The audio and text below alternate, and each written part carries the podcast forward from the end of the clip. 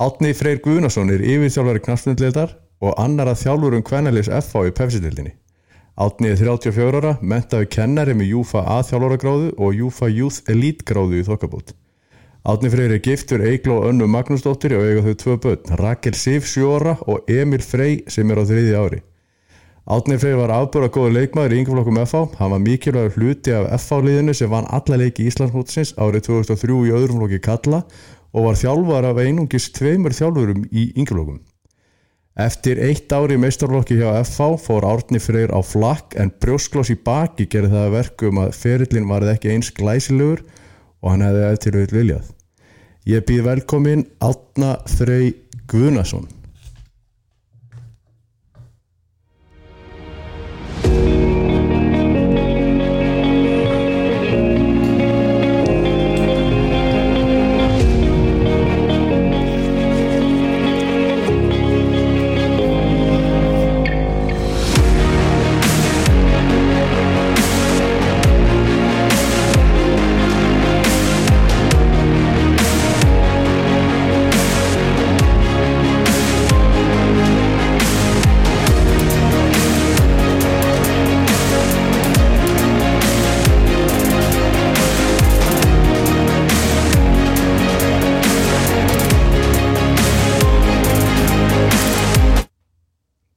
Átni, hvað sér þú? bara allt frábært. Hvernig fannst þér þessi uh, kynningaður? það var stórkostleg. Já, hérna, sko, ég talaði bróðin, já, þó tvo, jú, jú. Uh, Alla Guðnason. já, ég held að þekki fleiri hann heldur en hinn. Já, eftir ég þekki það reyndar alveg, báða, við erum skildir, sko. jú, jú, Uh, Elías, uh, hann sagði við mig að þú hefði verið hæfileikari, hæfileikaríkari heldur en Alli Gunnarsson á þínum yngri árum. já, ég bara veit ekki sko, allir var góður sko um, Allir var, var landsliðin á sjálfmótinu til dæmis. Já, já. Það er hans eini landsleikur, ekki? jú, yngri landsleikur eða ekki, hann var eitthvað aðlandsleiki Jó, reyndar. fleiri heldur ég allavega en hann, jú, jú, ég var ágættur í að krakki það er þannig Hann sagði sko sagði að þú er meðslinn hafi gert það að verkum og þú var aldrei komist á flug í á, á eftir leveli á, á Íslandi. Já, já, jú, jú, kannski ég fekk brjóskloss þegar ég var 20 ára eða 21 árs og hérna það hafði alveg áhrif á mig en ég held alveg að, að það hafi ekki verið aðal ástæðan okkur ég náðu ekki lengra sko, ég held að það hafi verið svona margt annað sem að, að maður veit í dag sem maður vissi ekki þá og sem Þú eru að, kannski betur yfir eftir. Já, já, það er að gera það Það er beina grindið þetta fyrir fram í þessu viðtali. Herðu, við, sko, við erum alltaf í bóði Origo og Netgyro. Þeir sponsora okkur en, en eins og eins og þú finnur á líktinni þá erum við náttúrulega hérna hjá Petri hann er að hérna, sjóða pilsuna fyrir okkur við erum á, á, pilsubarnum að sjálfsögðu sko, einhvað segir mér að þú hafi nú komið nokkur svona mynda til Peturs í hátteginu og fengið pilsu Já, já, ég hef stundu farið til pjesa, það er alveg klárt Bæði þarna á pulsubarinn og, hinstaðan hjá honum Í Garðabænum? Í Garðabænum, um, ég var ofta bara þar held ég alveg pulsubarnum en, uh, en ég menna maður fer stundum á, á erfiðum dögum og, og fæ sér Óstborgar eða eitthvað svo leys, já, Pétri er það, er það þitt svona go to? Já, já, bara venjulegi Óstborgar tilbúðir en hefur hérna hefur komist í hreindirjaborgaran hjá honum? Já, í kringu jólin, þá fyrir maður stundu þangað. Já, þá er, er hreindirinn svolítið Já, hann er hrikalega góður. Svona hátíðar, hátíðarbræður yfir þessu. Heldur hann sé að veiða þetta sjálfur þegar hreindirinn komið til byggða með jólasinin Nei, það kemur mér óvart. Er, ekki, ekki, er ekki góða kannski?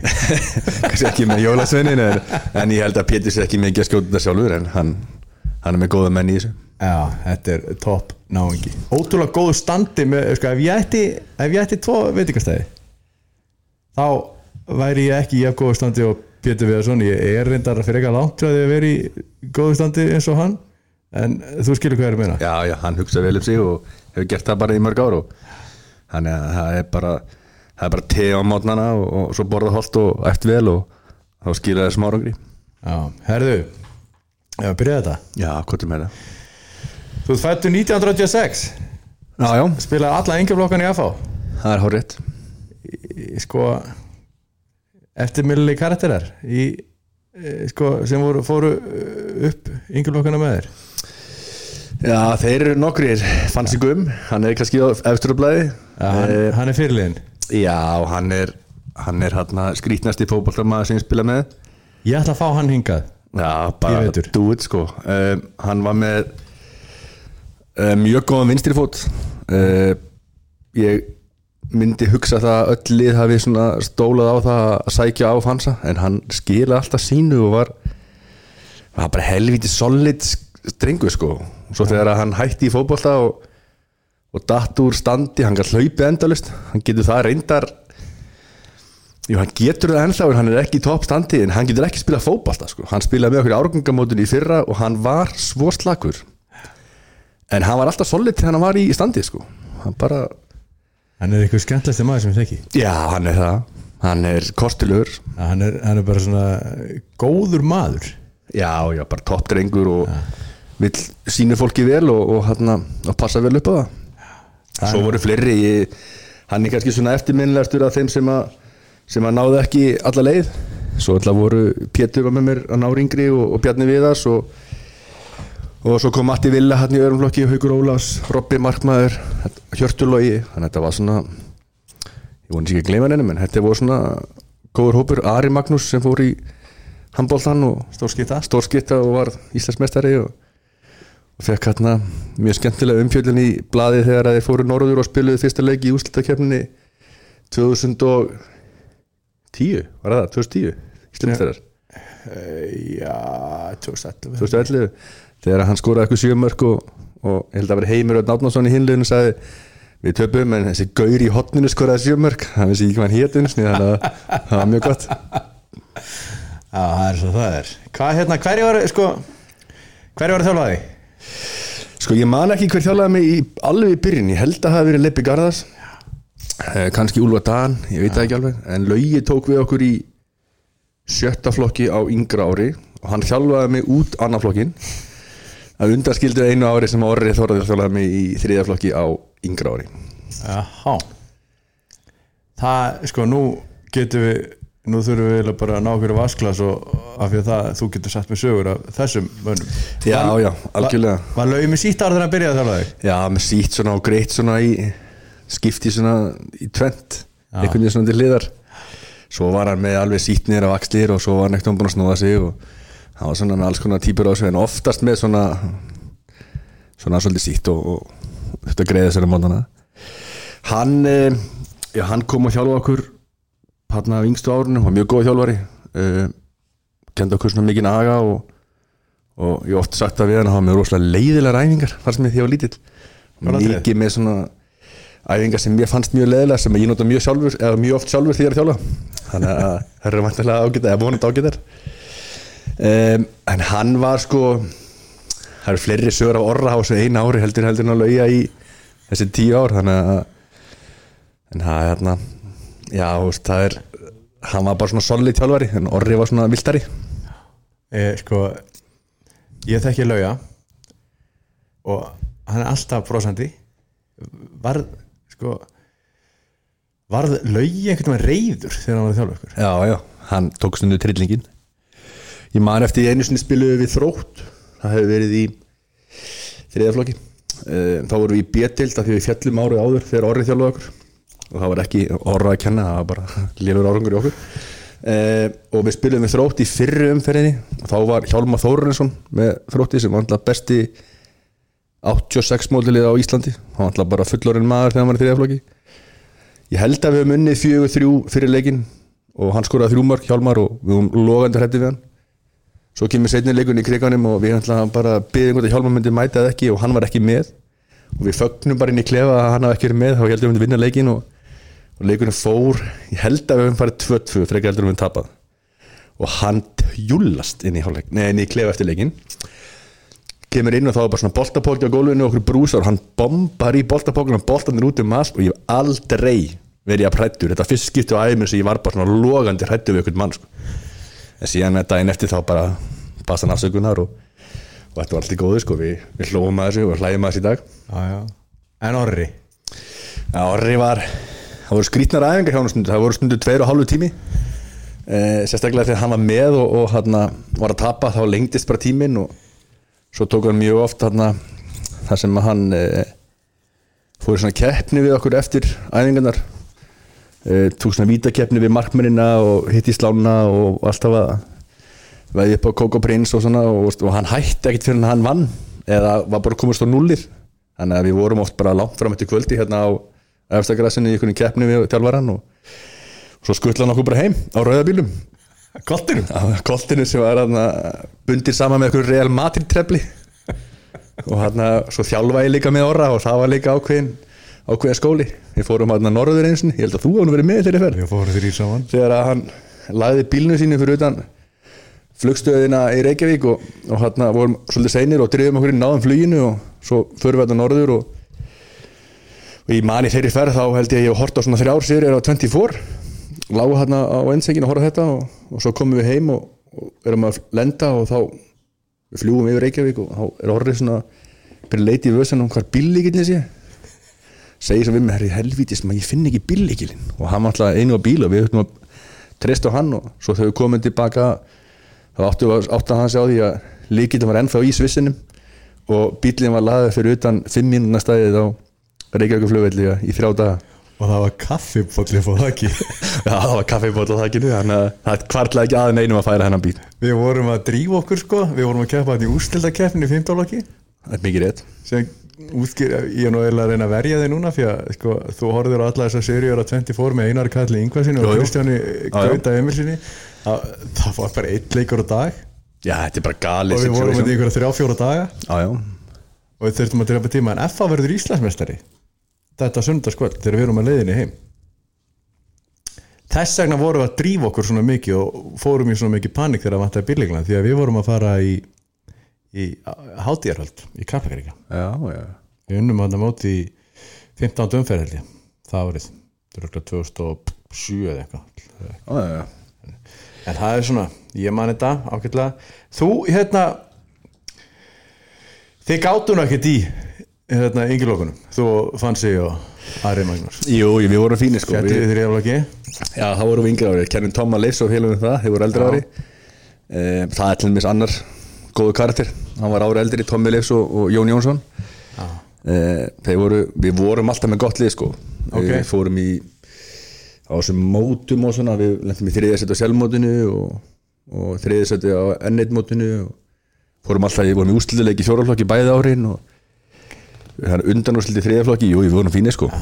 Sko, við skrifum þetta heimaðinu á mér. Já, klárlega, en við erum alltaf ekki bara að kröfa að við séum að vinna og, og séum að skila mönnum upp sem að voru ekki margir úr mínum árgangi, margir árunum yngri 2007, Já, einhverju 2005 þannig að ég held að þjálfararnir sem voru að þjálfa okkur þarna og Lulli sem var með eldri hópin og Laugi með okkur og Robby Magg mikið með yngri þeir gerði góða hluti og kendi okkur margt sko.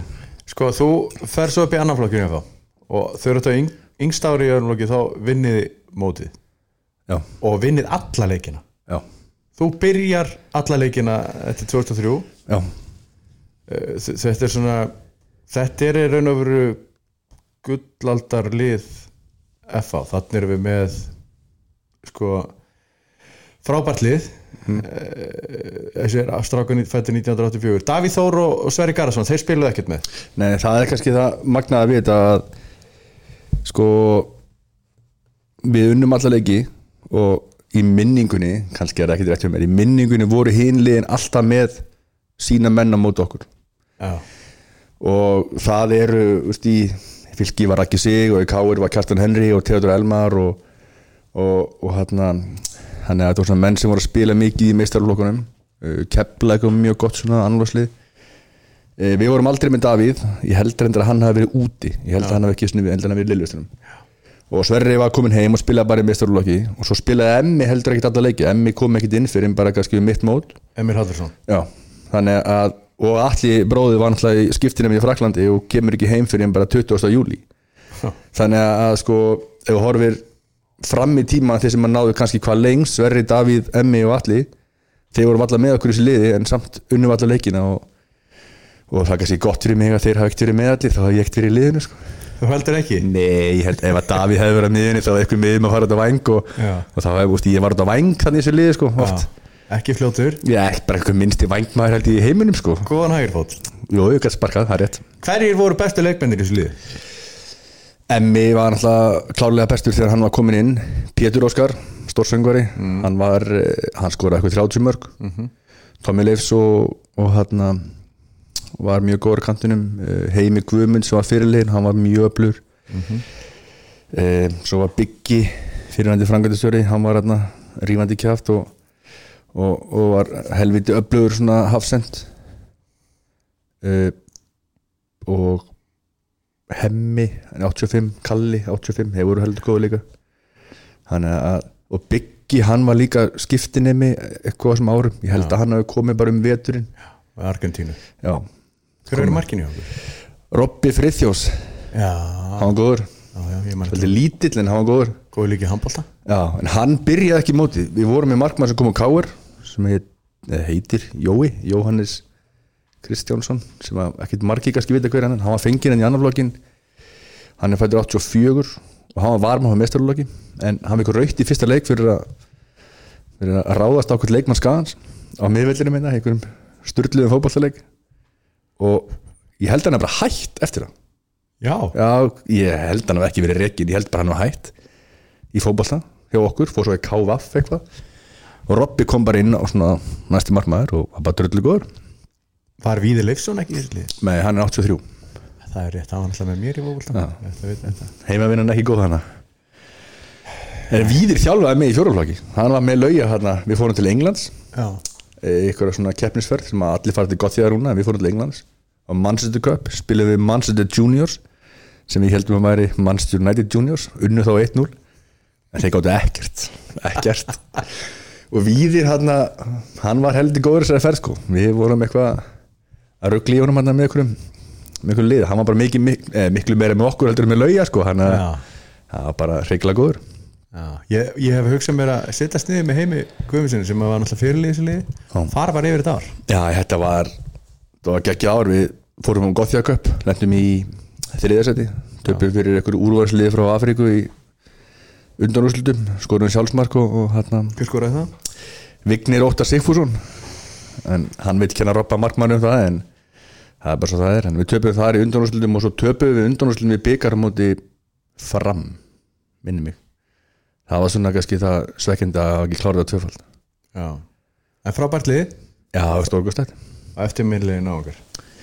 E, Þú spilaðir enga úlingalanslíki Nei, en ég var ég var reglulega sem æfingahópum. Já, um, var hérna en komst aldrei í gegnum göttið en það var þetta mjög góður þetta er mjög gott ár uh, en mér fannst svona mér fannst sjálfum að ég átti að fara í gegn.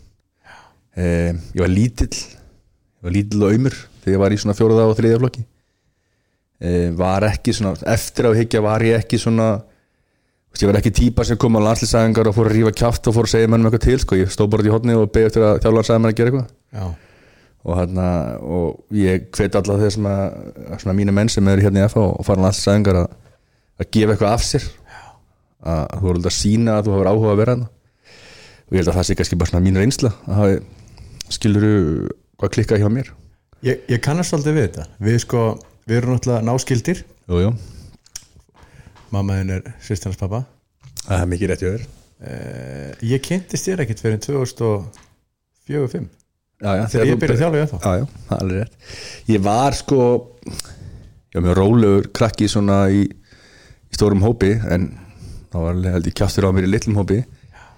E, svo var ég í yngjörflokkum hérna í FH þá var ég ég var ágættur í fótbalta og, og svona þurfti ekki mikið að hafa fyrir því að vera einna betri mönnum í mínum hópi hvort sem var eldra eða yngra ári og, og ég hefði vilja fá kannski svona meiri svona stýringu hvernig maður á að fara á landsinsæðingar hvernig maður á að sína sig og allt þetta og, en ég held bara að það hafi ekkert verið þannig mikið samstarf á milli félagana og kási eins og er í dag.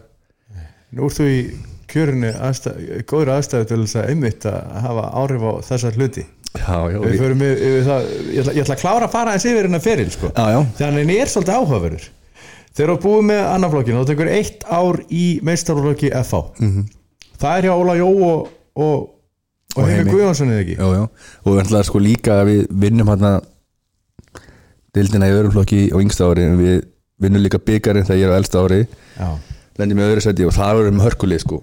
Ekkit síðra heldur en þegar ég er á yngsta ári sko. Þá voru Matti Vill og Pétur Viðas og Robby, Haugur Ólafs já, Hjörtur þannig að, og Bjarni Viðas var alltaf farinn frá okkur, hann fór til Evertón hann hefði verið sem hópi, þannig að það var líka mjög góður hópur og, og fyrir mig skemmtilegri hópur, miklu meiri vini mínir þar heldur en hinum megin sko. Já, en síðan er tekið eitt árið meistarlokki í FH og hlupum úti hérna þrísværi viku bara í sjö mánuði sem ég finnst alveg agalega leðilegt Svo allir sennilega reiki í lestina. Já, ég var ekki framalega allavega, get lofaði því. En varst á undan alla? já, já, já, klálega allir var alltaf sko, allir var alltaf skelvilega hlaupari sko. Oft, ég var ekki góður en hann var ennþá verri. En hérna, hann tók sér á í því og, og ég held að það hafi henda honum að fótboltinn svona þjálfun breyttist aðeins þegar að menn fóru að hlaupa minna úti og fóru meiri í fótbolta því hann alltaf miklu betri í fótbolta en að hlaupa. En hann eh, já, hann, hann varð betri því en ég líka, það er ljóst. Eh, það var geggjaðu tími Óli Jó var alltaf stórgóðslegu karakter, eitt skemmtilegst þjálfari sem ég hef haft. Já, hann er svona hann er ekkert mikið að að leiðbeina þér. En svo þegar hann kemur þín og segir eitthvað þá hann meikar allt sens. Eh, og heimi var svona hann var svolítið stífur. Létt með hlaupa og með þetta leggja svo mikið á sig og hann var mikið á aukaðingum í hádeginu og þegar maður vinna hérna í kriganum á sumurinn og hann bara æfiði mjög mikið. Ég held ég aldrei jafn góða formi og því ég var að þeim sko.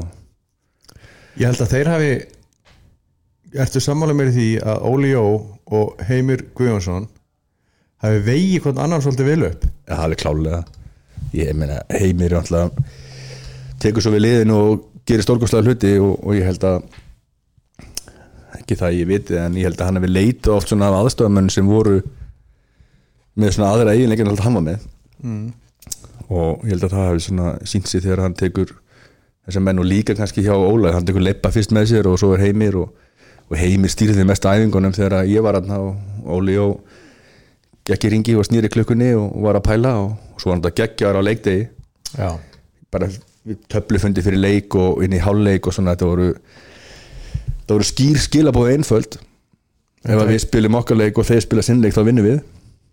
Þannig að við erum með betra lið skilur við og já, svo hann svo var hann með svona skemmtilega típur þegar hann var með gömlu flísarna voru í sónarhól og það vartu þrýfóturinn á hérna, töflun að standa á svörtu flísunum og hann þefa að túsinum og þurftur að með derhúna og einhvern tíma glemt hann henni og þá byði við bara í tíminn eftir að konan kom með derhúna hans og og Guðni þá já, já, já, hann ringdi bara og var komið með derhúna og við byðum bara í tíminn, það saði enginn eitt og svo bara byðum við, svo komum við með hann á húun og hausinn og svo bara, já, já, það er ennið leikurinn og fór þetta þannig að þetta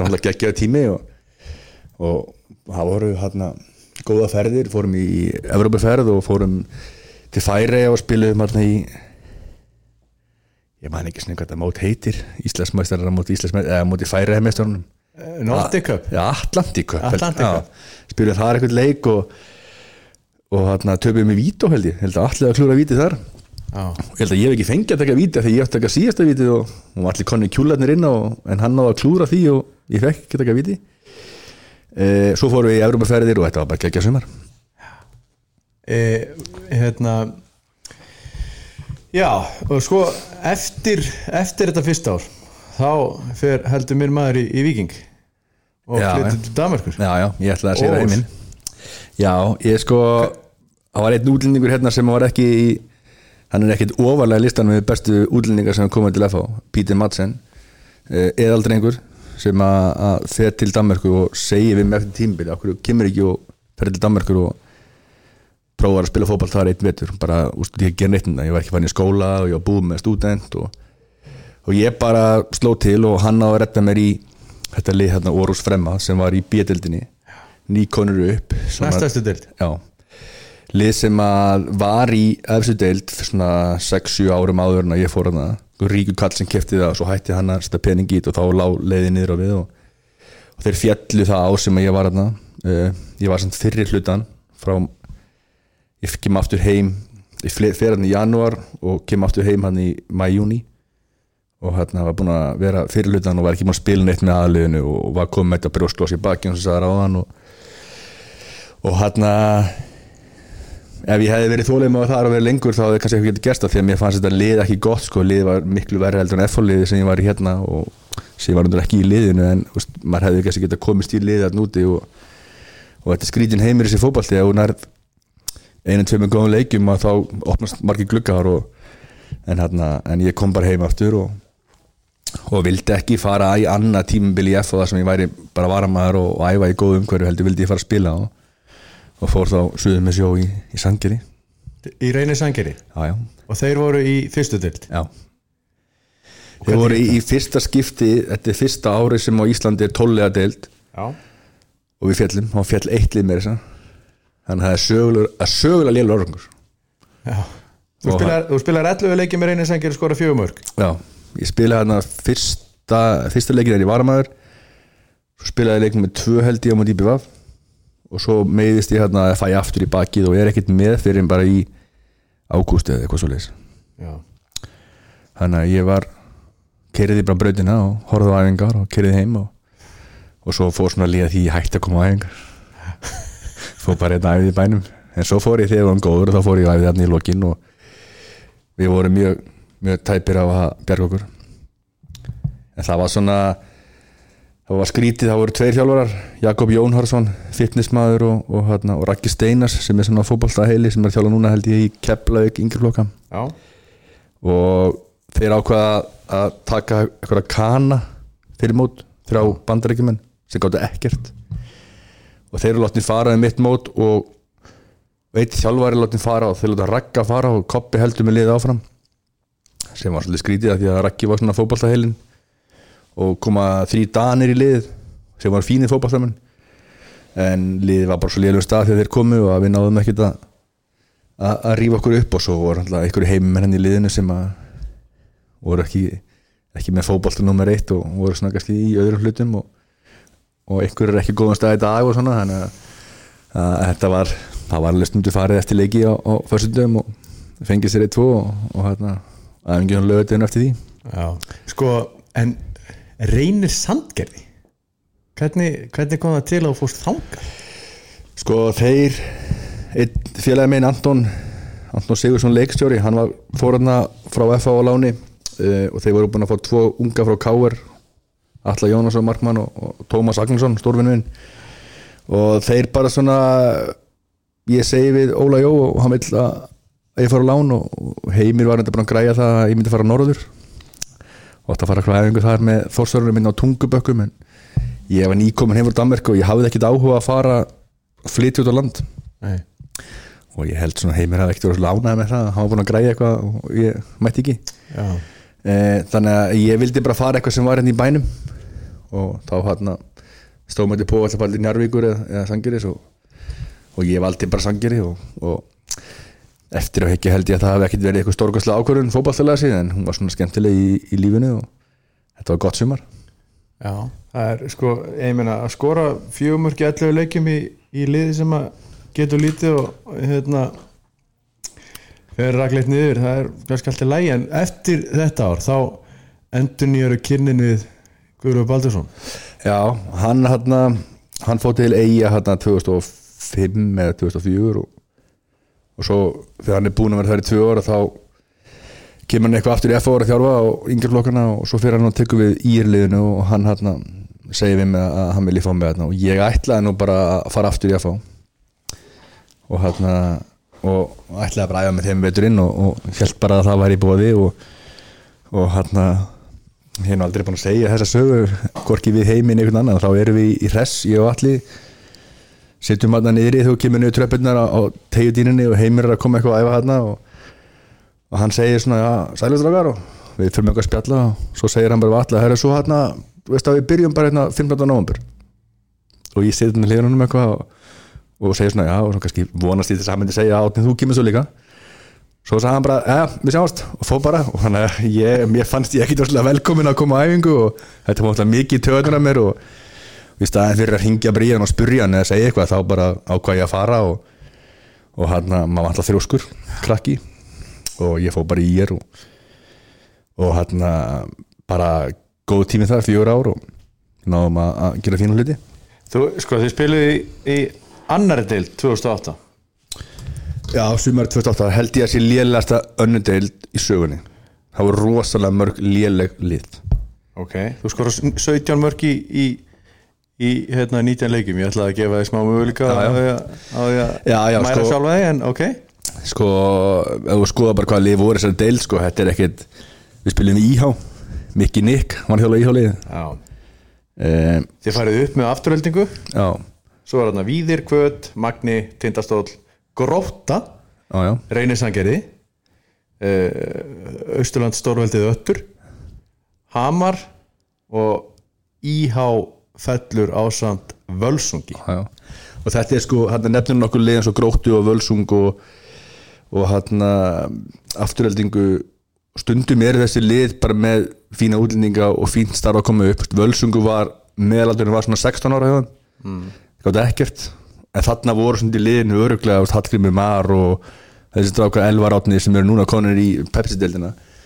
Þannig að þetta er svona þetta er svona happ á klapp hvar þú lendir á þessum liði utan á landi og þessum minni klubum sem eru í, í bænum og, og gróta átt til þess að vera með besta liðið ásand okkur. En þeir eru alltaf alveg klúruð því einhvern veginn og, og við á afturlendingu ég held ég að rúla þess að delta upp sko, og afturlending bara langt eftir okkur og Þetta er, þetta er allt rétt að þeir spila hérna Elvar Átni spila sex leiki, bara eitt raut Guðmundur Óli og Hallgjum Mar þeir spila þrjá og fimm leiki og get ekki neitt sko. Nei. en þeir eru greinlega verið mjög mjög ungir á þessi tíma. Já, já. 86 og 90 model Aron Bjarki Jósefsson er hérna líka í völsungsliðinu. En þeir, sko, ég spilaði síðan ég þjálfaði á mótið með tveimur á setna þeir konum Já, já.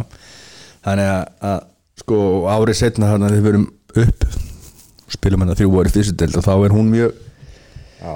hún er svona sterk oft á tíum og þú, ég meina, þú, þú skorar 16 mörg í fyrstu deildinni 2009 sem er frábær árangur.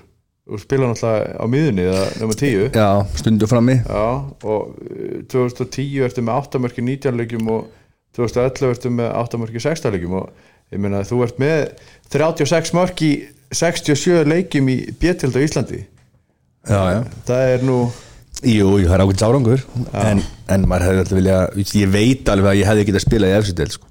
Ég veit það alveg og ég fer svo í efstu deild og spila þar andan við fylki í tvö ár og, og kannski hefði ég átt að fara fyrir já, þá var stóðaldi bóða eftir hvert einast tím til að fara í, í efstu deild bæði til Eyja og Selfoss og, og fleiri lið en ég bara ég hafði bara ekki áhuga á því. Það er svona kannski að spila í Nei, ég var ekkert sko Ég var skaman í fótbolta En ég var ekkert eitthvað svona Þurfti ekkert nöðsilega að vera eitthvað veist, kannski vildi ég líka vera bara Góðu leikmaður í Mínu liði sko, ekki vera að breytna okkur um tíu sko. Stór fiskur er lítill tjöld.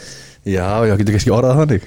Mér leiði alltaf vel þannig. ég man ég var svolítið svektur og það hefur ekki færið leia Já, þegar ég þurfti að borga hérna dagvann pening í, í hérna hótelkostnað. Já, já. Ég sko. Maggi Gilva var einu sinni með eigalið Það var þegar árið fónum fylki Og þá hérna fór ég að hitti hann Og, og hann, hann náðilega að selja mér það kom ekki? Það er bara, við sátum hérna fórum niður á fiskistofur hans eða hvað heitir hérna hérna, höfn og, og hann segir við mig hérna, já við erum hörkulið sko, við erum hérna með Rasmus í hafsendunum og svo Gummi Tóta hérna tjúpar á miðunni og svo verður Tryggvi í hólunni og svo þessi á kantinum hérna og svo þessi sendir hérna svo verður þú bara svona getur spila þetta stöð og list þá af hérna. Þannig að hann var alveg póstur að segja við mig bara þú kemur hérna og verður bara varamæður en getur komið inn og gert eitthvað. Og ég bara hafi engan að hóði sko. Í staðan fyrir að segja bara þú verður bara hér og svo verður þú ekki hann sko, þannig að það er miklu öðvöldra þannig að ég ákvað að fara í fylki. Já, hvernig var tíminn í árbænum? hann var geggjaður. Já, það er, það er svona kannski skemmtilegasti tíminn. Fyrir utan kannski þegar ég var í og við vorum í toppáratu hérna eitt árið. Uh, en þetta var svo geggjaður náungar sem voru í, í fylkisliðinu eins og? Áski Börkur. Já, hann er aðteglisverið fýr inn á vellinum en bara indislegu drengur. Viðar Örn, hann kemur öðna og springur út. Já, sem er kannski eins og ég var að segja á hann minna, hann kemur og, og við áttum að skipta fram meira stöðun á milli og, eða ég spilur aftan hann og, og ég held ég hef ekki spilað neitt sko, setna ári, því hann alltaf skoraði bara alltaf. Já, og fer svo út og seldur út. Og var bara geggjaður. Fyrra árið þá er Bjöggi takkið fúsa.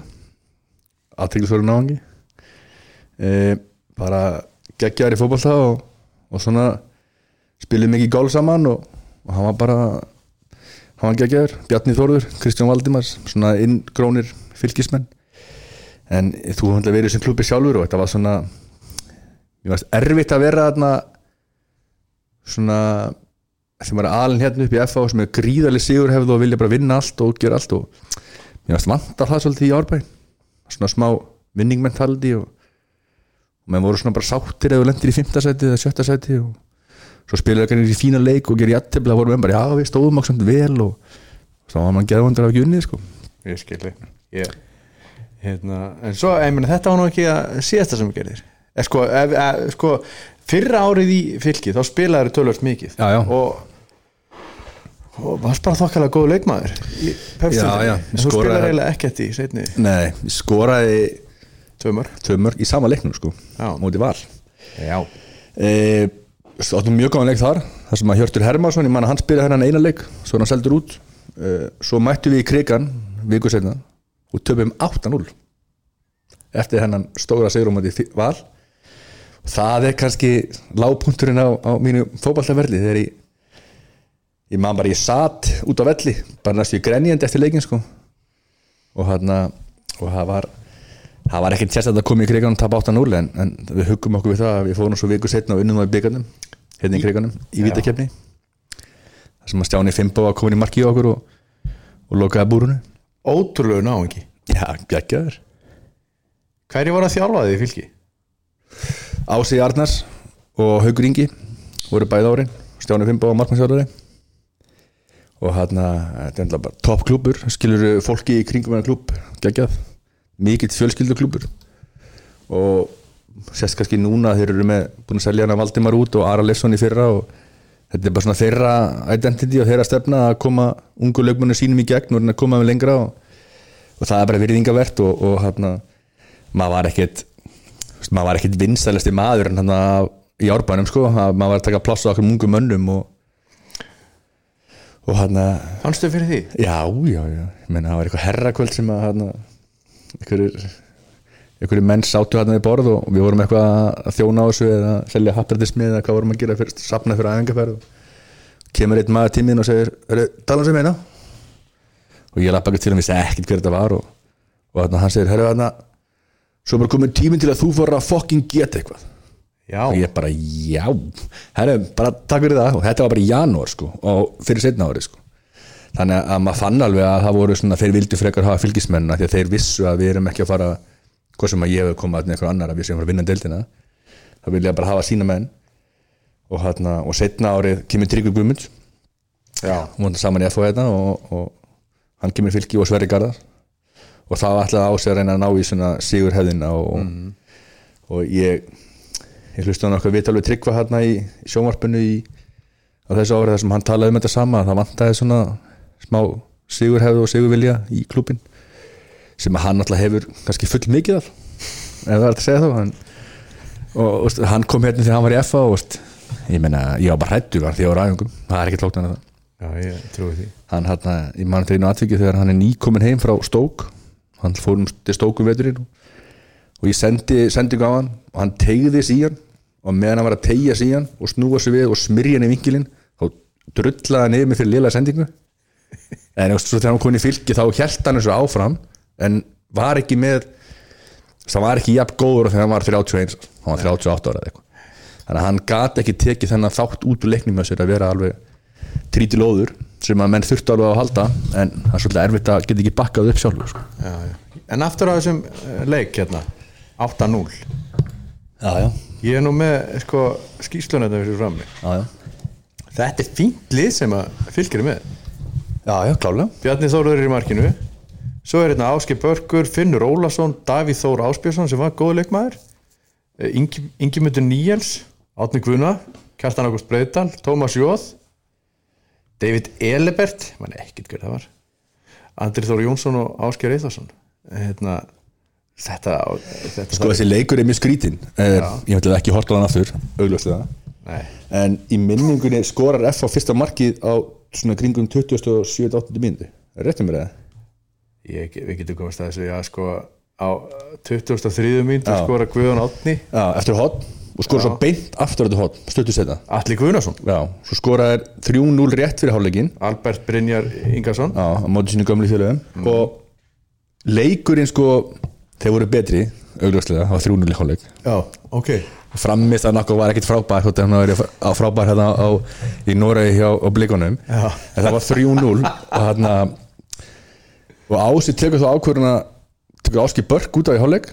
Já, og einhvern einni viðbót setur Jóha Þórhalls og takki fúsaðin á já, hann ætlaði bara að koma í krigan þrjúnlundir og sækja reyna á jættublið hann er alltaf að taka eh, Rafa Benítez á þetta. Já, ég bara sendir í þessum leik fer fremstur á miðina, fyrir mig 4-3-3 og við fáum raut spjald eftir 47 mínútur. Já, þá var bastl þá voru var- bara með fjóra framherinn á einu færri í kriganum það var svona 25 stæði hitt og sól 4-0 undir. Já, 4-0 og þetta hefði ekki að farið svona 15-0 Þannig, það gekk svo hægt og ég mani talaði af alla bróður sko, hann, hann vorkendi mér. Hann svona vildi ekki að þeir myndi skora fleiri mörg þetta var vandræðilegt, mamma í stúkunni leið hörmulega sko.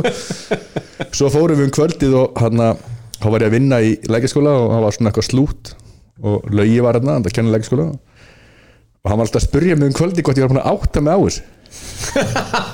Og ég veit að fatta ekki brandara sko. Það var alltaf til að átta sig á þessu og þannig að þetta var gott glens eftir þetta. En talandi um það, þú þurftir að fara sko, á eitthvað glens í lækjaskóla eftir að tapa 8-0 fyrir FH hugsaði Já, já, þegar kempingingarnir köstuðu frá sér Íslandsmyndartillinum 2008. 2008 og, og, og hérna Kristján Guðmundsson að kenna í Öldudómskóla Nei, var, í hann var lækjaskóla að kenna í lækjaskóla og hann var að kenna fyrir lögja sem var ykkur fríi. Já. hann fór ekki út úr stofunni, fór ekki inn á kaffestofunni í tvær vikur. Ég var að vinna þarna sko. Er, ég var að vinna þarna. Það var engin haukamæður í skólanum. Þetta voru bara já, Nefnendur og starfsfólk. Bara setja á að vera. Já. Herri, við erum búin að fara aðeins yfir hérna ferilinn Já, ein, ein saga hérna með Pétur Viðarsson af því að hann ætla að setja með það hjá honum. Já, uh, Einnum minnum betri vinum. Og ég man eftir því ég kemur í krigan í, í fylkisgálanum sem að var ekki dórslega þælur hömmel galli. Nei. Uh, kosturinn að vera í fimmleikafélagin við vorum alltaf í góðum Adidas og Nike kvötum og hérna við mæti hérna og spjalla við hann og hann tekið spaðan á hann og við spjallum bara eins og góðu vinni gera og svo þegar uppbytun er búin að þá ég gleymis aldrei þá löpum við saman inn og hann tekur bara að það gangið vel og bara heimist í kvöldi eða eitthvað skilur það er eins og vinni gera. Svo er svona 30 sekundir búin á leiknum og fer ég skallaði við, við Freysa Bjarna og hann og ligg eitthvað á jörðinni var eitthvað væli yfir aukarspinnu og hann kemur fyrir ofan mig og segir mér að drullast til að hætti þessu væli og standi í fokkin lappinnar og hann var ekki vinnu minn í eina sekundu hann inn á vellinu og svo er leikur hann bara, blessaður hann að gera eitthvað kvöld og ég hugsaði bara, hvað ertu bilaður eða? Þannig að hann sko það er eitthvað villimaður sem fer í hann inn á vellinu. En þetta held ég að sé nú eina ástæðan fyrir því að hann er ennþá að spila með að fá að klálega. Mm. alveg klálega. Sko, ég er samt með Sko, þegar þú ferður reyni í Ég er nú kom farin aðeins tilbaka. Já, já. Þá man ég eftir því að, að, hérna, að Víkingur Reykjavík var að reyna að fá þig. Já, já, Og þú, þú spilaðir Þú spilaðir hann einhvern æfingarleik á, á sunnudegi já, Sunnudagsmótni Jesper Tollesir Já, Já, já, hann hann ég held að það hafi verið eftir reynustímbrið, kannski var það eftir fyrsta ári í ég líklega var það eftir að þeir voru í fyrstu deild held ég, vikingur og þá hann fer ég á eina æfingu á, á lögati og hann segir, ég vil ekki spila með okkur í morgun.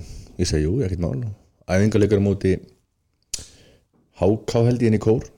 Þá mæting 9.00 inn í Vík þar sem var töflufundur í svona 40 mínútur. Svo fóru upp í kór og ótt að spila og ég íhugaði alvarlega á leiðinum í kór að fara bara heim með þeim töflufund. Það átti bara pakki vörn. Já, e, í leiki í oktober þar sem menn voru svona það voru örgulega svona tíu nýju leikmenn að koma þarna okkur træjar og bara uppspilið og pælingin í fótballtan hún var svo langt frá þeirri hugmyndafræði sem að ég vil spila fótballta og hafði spilað fótballta þetta var algjörlega galið og svo hann bara var hans fótballti út frá því í viking og, og ég held að hann hafi verið leikni líka. Já.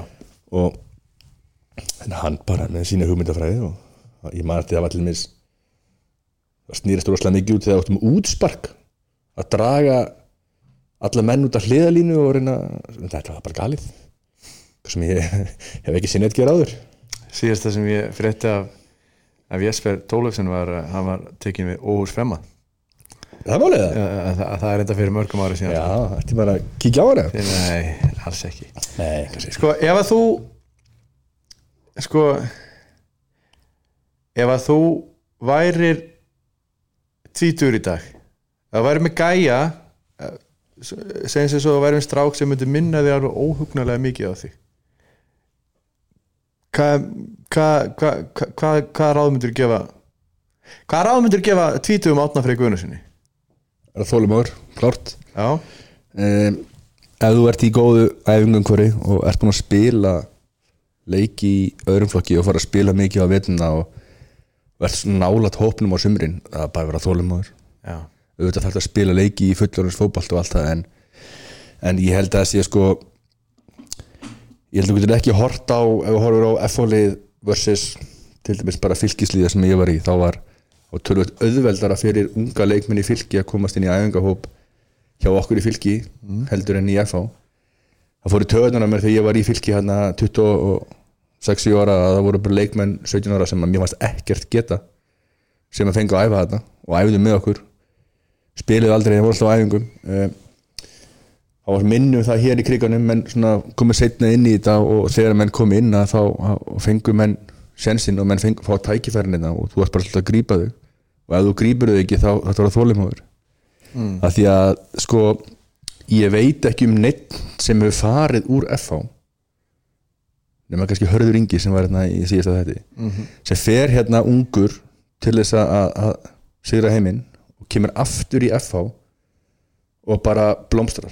Allir fór á lán, Pétur fór á lán Robby Markma fór á lán það sem að við vorum alltaf með svona homebase hérna en þeir sem hafa farið kannski í öðrum flokki eða yngstaður í mestarflokki í eitthvað svona smá óanæðu eða bara svona vilja fá að spila ég veit ekki um marga sem hafa komið aftur. Nei. Og ég myndi alltaf segja við það og sama og ég geri veist, vera með örugt base hérna geta eftir hérna frá november til mars. Ef þú vilt fara að spila, gera það bara í svona sátt og fá að fara á lán og finna góðan klubb og, og hérna að- og svona hugsa lengra fram í tíman heldur en bara einn vetur sko. Hefur átt að hlusta á heimi og fara norður?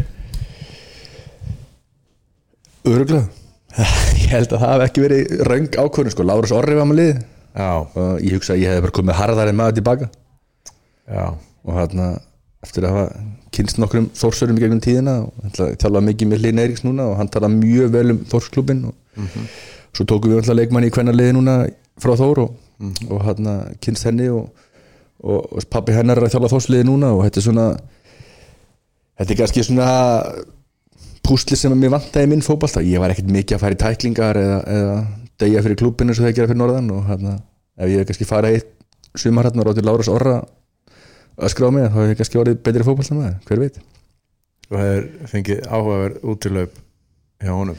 Örgulega, alveg potið ef, menn er að hlaupa út á sumrin menn kannski fara meir í fótballta það það var bara í mæ Ok.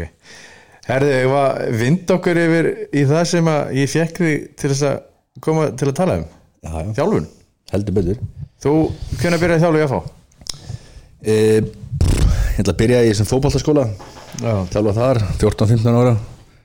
E, svo fór ég og þjálfaði sjötta flokk með Benna Átna þá var ég sem aðstofþjálfari þá fór ég á sjálfmóti með ég fór á sjálfmóti með 92 árgangin já, þá var ég bara 16 ára eða eitthvað svo leiðis mm. og það var öðruvísi þá núna fara fimm þjálfur að fara okkur á þetta mót og ég man að að við förum að það miðvíkuti ég, Benni og, og Fansi við vorum þrýr Þetta var þjálfur til mig já, já. og Benni fer síðan bara klukkan nýju eða eitthvað fymta smotni bara yfir að var að spila Evropuleik Já. 2002 við hérna eitthvað lið frá Makedóni hérna inn á lögatisvöldin sem vinna þrjú veitt held ég og ég og Fansi erum bara tveir 16 ára það er alltaf einhverju farastjórar við sjáum bara um þetta mót, mætum alltaf leiki og stýrum þessu. Þú veist, þetta verður aldrei samþýtt í dag sko. Og Benni kemur svo ekkert fyrir en bara eftir hátegi á föstudegi og við tökum leikin á föstudeginum og svo tekur hann bara við og klára mótið sko. og sko þetta var 1992 árgangurinn í að fá já, já. og ég kannast nú mjög vel við þá.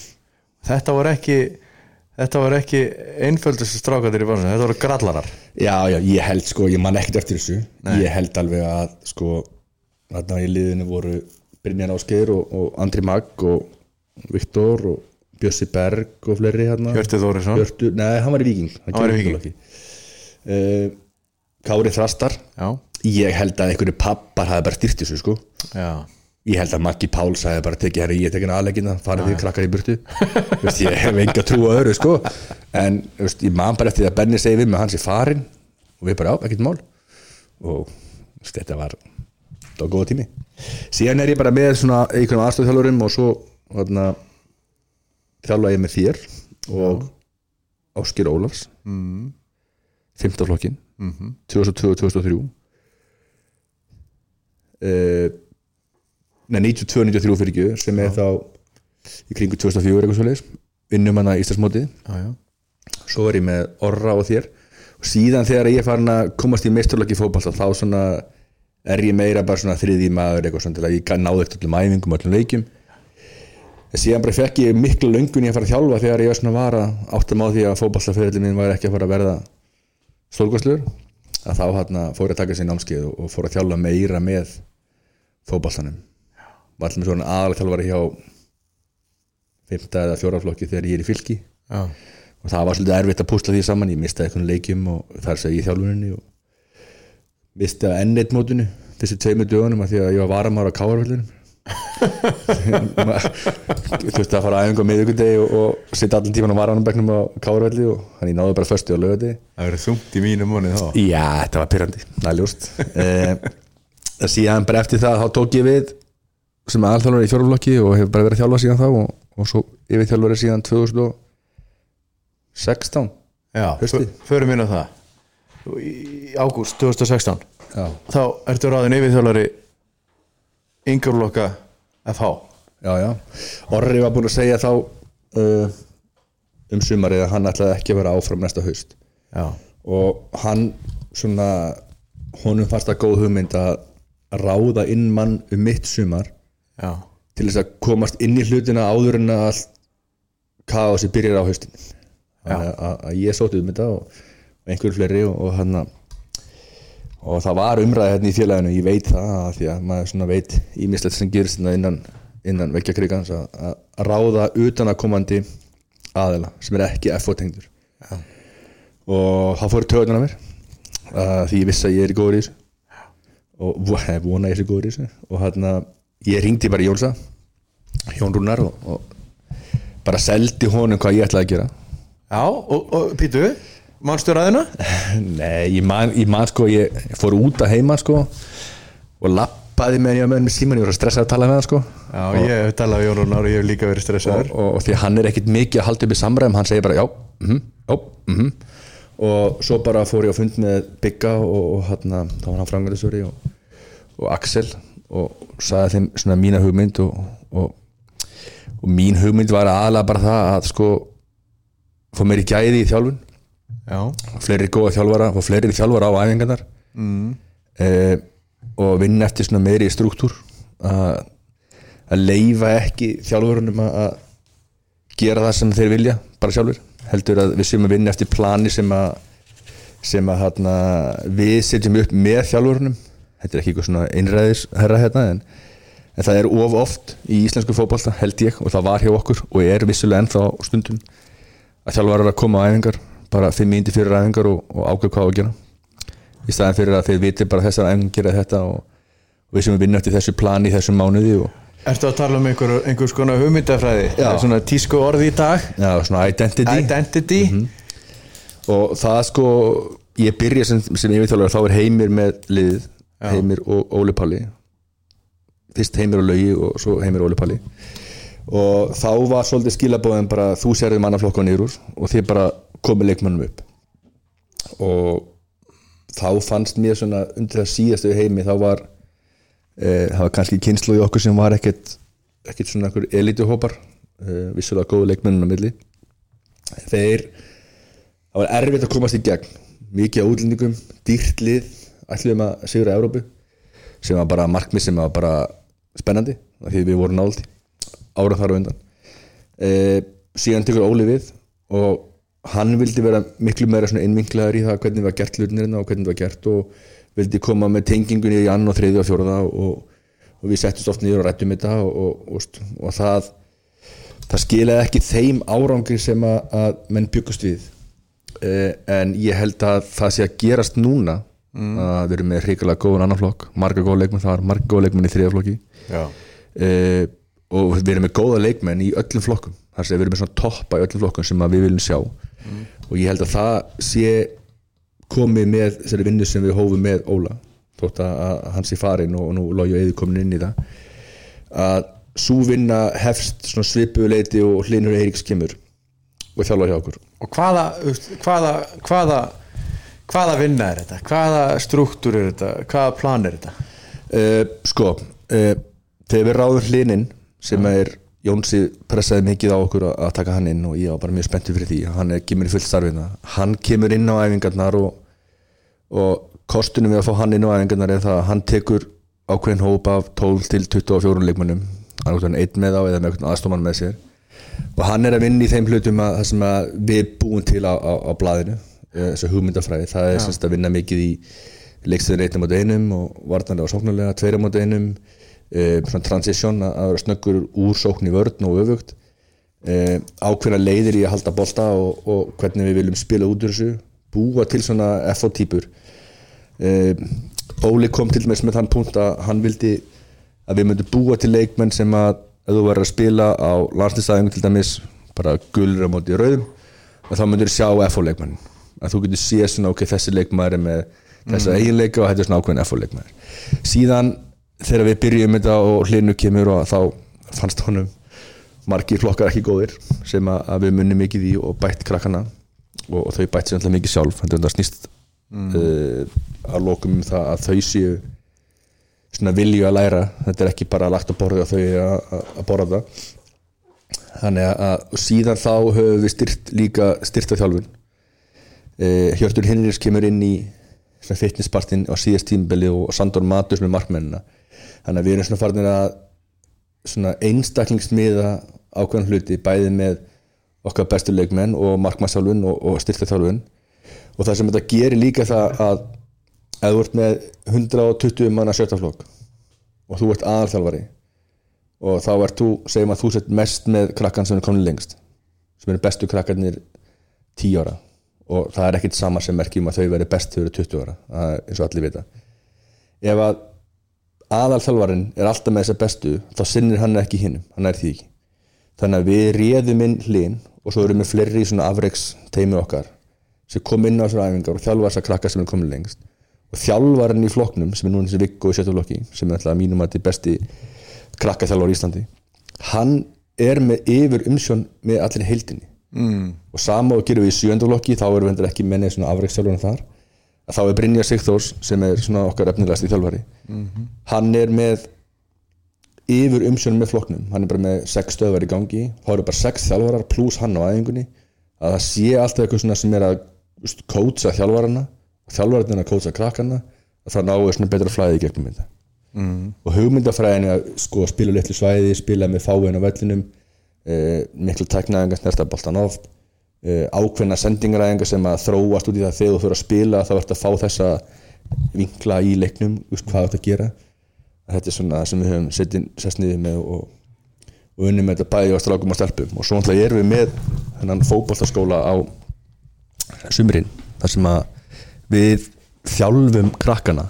Er Brynjar byrja bara að þjálfa þar sem er okkar einna efnilegri og Pétur Hrafn svona yngri þjálfarar mjög góður uh, og svo erum við með reynslubolta hvernig meginn í, í Kára og Tóta sem að vera lengi og, og erum að fá svona yngri spennandi þjálfara stelpum meginn líka eins og í Melli og, og hérna Pétur Hrafn er líka stelpum meginn sem eru þá að styrkja gömlu hundana. Mhm. svo það er þetta að kenna heima að sitja. Þetta eru svolítið góða punktar hér af því að sko, við þurfum alltaf að sinna klálega og við þurfum alltaf að búa til leikmenn fyrir meistarflokkana en við þurfum líka að búa til þjálfara. Já, já. og við þurfum að búa til dómara. Og við þurfum að búa til stjórnamenn og við þurfum að búa til sjálfbáðlega Já, sko, við ætlum með yfirburðar dómarastarf á Íslandi Það er þannig? Já, ég menn það kemur ekki leikur hérna sem að veist, ég veit ekki hversu marga leiki ég hef dæmt sjálfur því að dómarinn mætti ekki þegar ég var að þjála fyrir nokkur árum. Mm. Núna er náttúrulega bara Steinar Stefens sem er í teskið. Og hann er búinn að finna bara einhverja 20 pappa og mömmur hérna í félaginu til að dæma. Og það er bara leikur í hvort sem maður sé fjóruflokkur A eða þriðuflokkur C eða hvað er, það kemur bara tríó í svartagalanum. Og er bara, það er bara gegja Já, bara nöðsilegt og krakkaðin í FH þau fara kannski á leik bara inn í þróttaravelli og þau bara skilji ekki að það komi ekki dómari. Eða það klikkar aldrei í hann nei Það var náttúrulega ekki líka Nei, en það er það er vesen á mörgum stöðum. Og við erum ekki mikið í því að krakkarnir í öðrum flokki eða meistarflokki sem tæma leiki. Nei. Minni, ég fór að horfa á annar flokk kalla að spila við breyðabliki fyrra eða hitt í fyrra þá var bara línuvörur var bara Ólfi Sigurjónsson og, og Davi Múminovits þú sagði ekkert hérna Alla Guðn og Baldur Sigur bara á línun á miðvöldin. Það er bara liðin tíð. Hvað er skessan gert fyrir þig? mikið. Auðveldar með lífið. Það er þannig? Já, ég menna það var eins og þetta var bara, þetta var galið að vera bara með risan á dvergin hérna í mörg ár. Já, uh, við leiðum þetta síðustu árin þá vorum við með 5 tíma á ásvöllum sem við fengum frá bænum og svo leiðum við 12 tíma á viku á Altanesi það var rók þar í svona 10 tíma þessum 12 þannig að við gátum komið elstu flokkunum þanga en veist, þú sendir ekkert 14 ára batnur hafnafyrir því að æfa á Altanesi eða í Breiðholti á Írvelli klúan hálf 9 og 50 degi bara til að fá æfingu. Það er bara það var til skammar að við vorum þessu aðstöðu og börnust heldur betur fyrir að fá risan og neða að fá skessuna. Og nú er hún komin og, og, og æfingarnar eru bara búna klukkan átta á kvöldin og, og allir fá meira plás Ég er búin að búa svolítið lengi erlendis En fylgist náttúrulega vel með heimaklúbnum. Akkur sem ekki læti í kringum þessu skessu? Af því að Sko Ég reikna með að þú sért með 800 krakka í, í hérna FH Getur það verið? Já, átt milli 8 og 900, næði 900 Já, tæplega 900 krakka. Já, og, og, og risin er risin er eitt þriðja fótboltavelli? Já styrka rúmlega Já. Já, að við getum kannski sagt sem svo að, að dvergurinn og risin séu cirka hálfu fótboltavelli. Já, svo næstu því.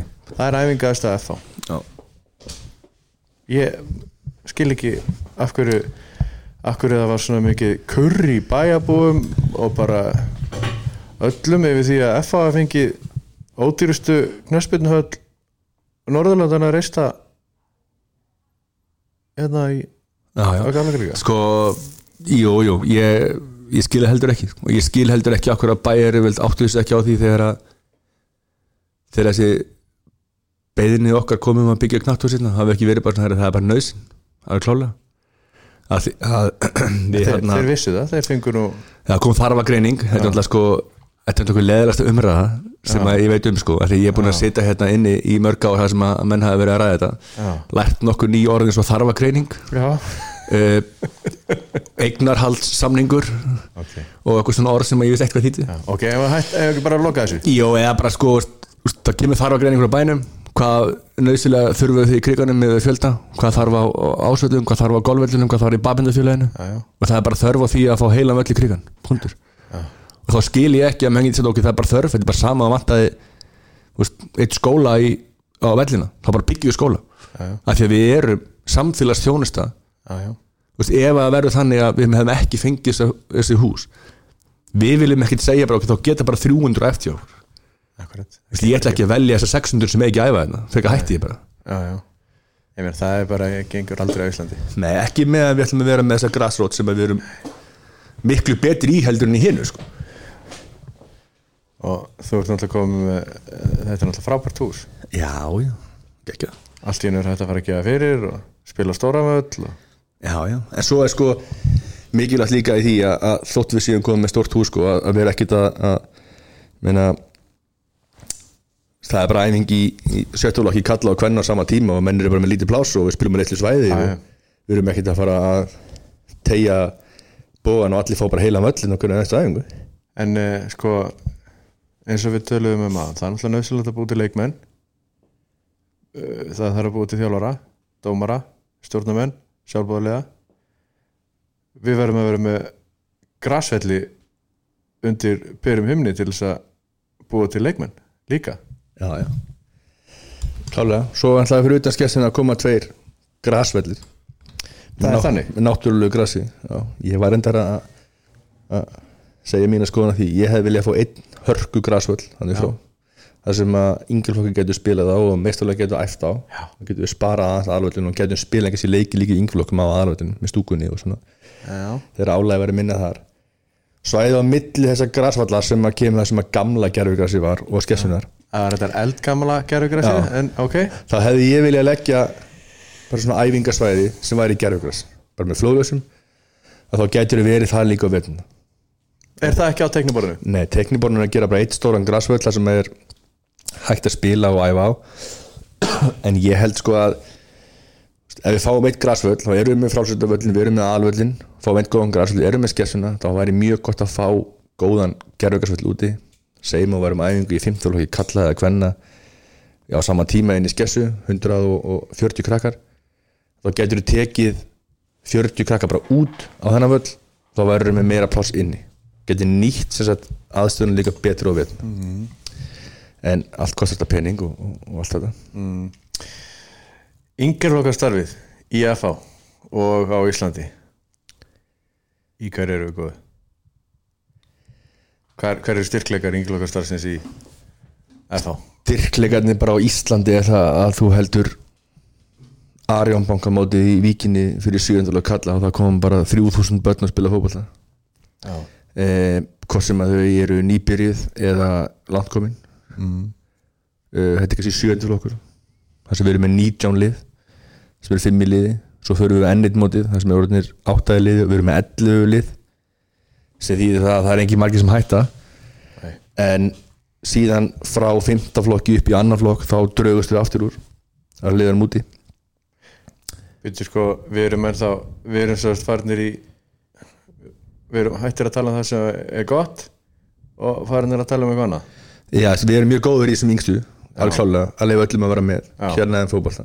Já, eh, við erum mjög góð í því að vera með, þetta er samfélagsætt verkefni. Eh, við erum góð í því að ala krakkanu upp. Eh, ég held til dæmis að krakki, barn sem að á erfitt í skóla á erfitt kannski heima líður ekki vel líður oftast vel þegar það kemur í activity, hvort sem að sé fótbolti eða handbolti eða körubolti um, ég held að við sem komum lang lengst í fótboltanum á Íslandi hvað var það þjálfun, hvað var það hvað var það svona utanumhald? Uh, ég labba fram með hérna handboltasalunum og sé handboltnæfingu þar sem að eru kannski þrý þjálfarar með 40 krakka og mennur í smá röðum og, og æfingin er góð og allt það. En úst, við erum komið lengra í þjálfun per einstakling í fótbolta heldur en í öðrum greinum. Og það alltaf stýrir líka bara mentun sem við fáum í gegnum sambandið og, og Júfa dæla alltaf pening inn í þjálfaramentanir og mm. gerum okkur kröfur á þetta. Og það er mikill munur á handboltaþjálfun núna og var fyrir tíu árum. Það er líka mikill munur á fótboltaþjálfun. Það gera mikla kröfur frá fóröldrum á okkur. Mm -hmm. eh, æfingjöldin hefa hækkað og en það fækkar ekkert. Kröfunar sem fóldra gera á okkur eru bara gríðarlega miklar. Og við bara, við fýlum það bara. Já, já. Þú segir að að þegar við komum á úlingsárin já, þá draugust við aftur úr. Já með við heiminn. Já, þetta er gömul saga og ný. Já, já. Hvað veldur? sko, hann eh, komið viðtal, Arnar Viðars með hann sem er yfirmagnar spilumóla Já, technical director of KRI hann segir að styrta þjálfun og, fitnessþjálfun sé slakari hér heldur annar staðar. Við erum í verra formi, við hlaupum hægar og gerum þetta hægar heldur en önnulið önnulönd það er eitt hlutur sem að við ættum að geta verið betri heldur en aðrir af því það vart að get vart að get bolta eða tækninga atrið bara að vera í hörkustandi og, og, og nýta það. Og þess vegna vildu við ráða hjört fitnessþjálfara í, í fyrra í fullt jobbina og hann er bara inn á æfingum og og við höfum tekið eftir því sem yngstu flokkum með okkur að við erum oft í betra formi heldur en að mörgunum lið. Oft sérsta kannski þegar að svo 50 kvenna í okkur vinnu C og D-lið Íslandsmeistarar. A og B-liðin gerir frábæra hluti líka. Eh, í mörgum leikjum í þessu C og D-lið þá hlupum við bara inn yfir hinn lið. Af því að bara, þessi stelpur fá bara hörku þjálfun sem að er kannski svona fitnesspartinu sittur átt á hakan hjá stelpum sérstaklega. Og það er það sem við viljum bara laga en síðan það er náttúrulega sambandið ef við ætlum að komast aftur á HM og EM í kalla og kvenna að þá þurfum við að lifta svona 12 til 18 ára starfin okkar hæra level. Mhm.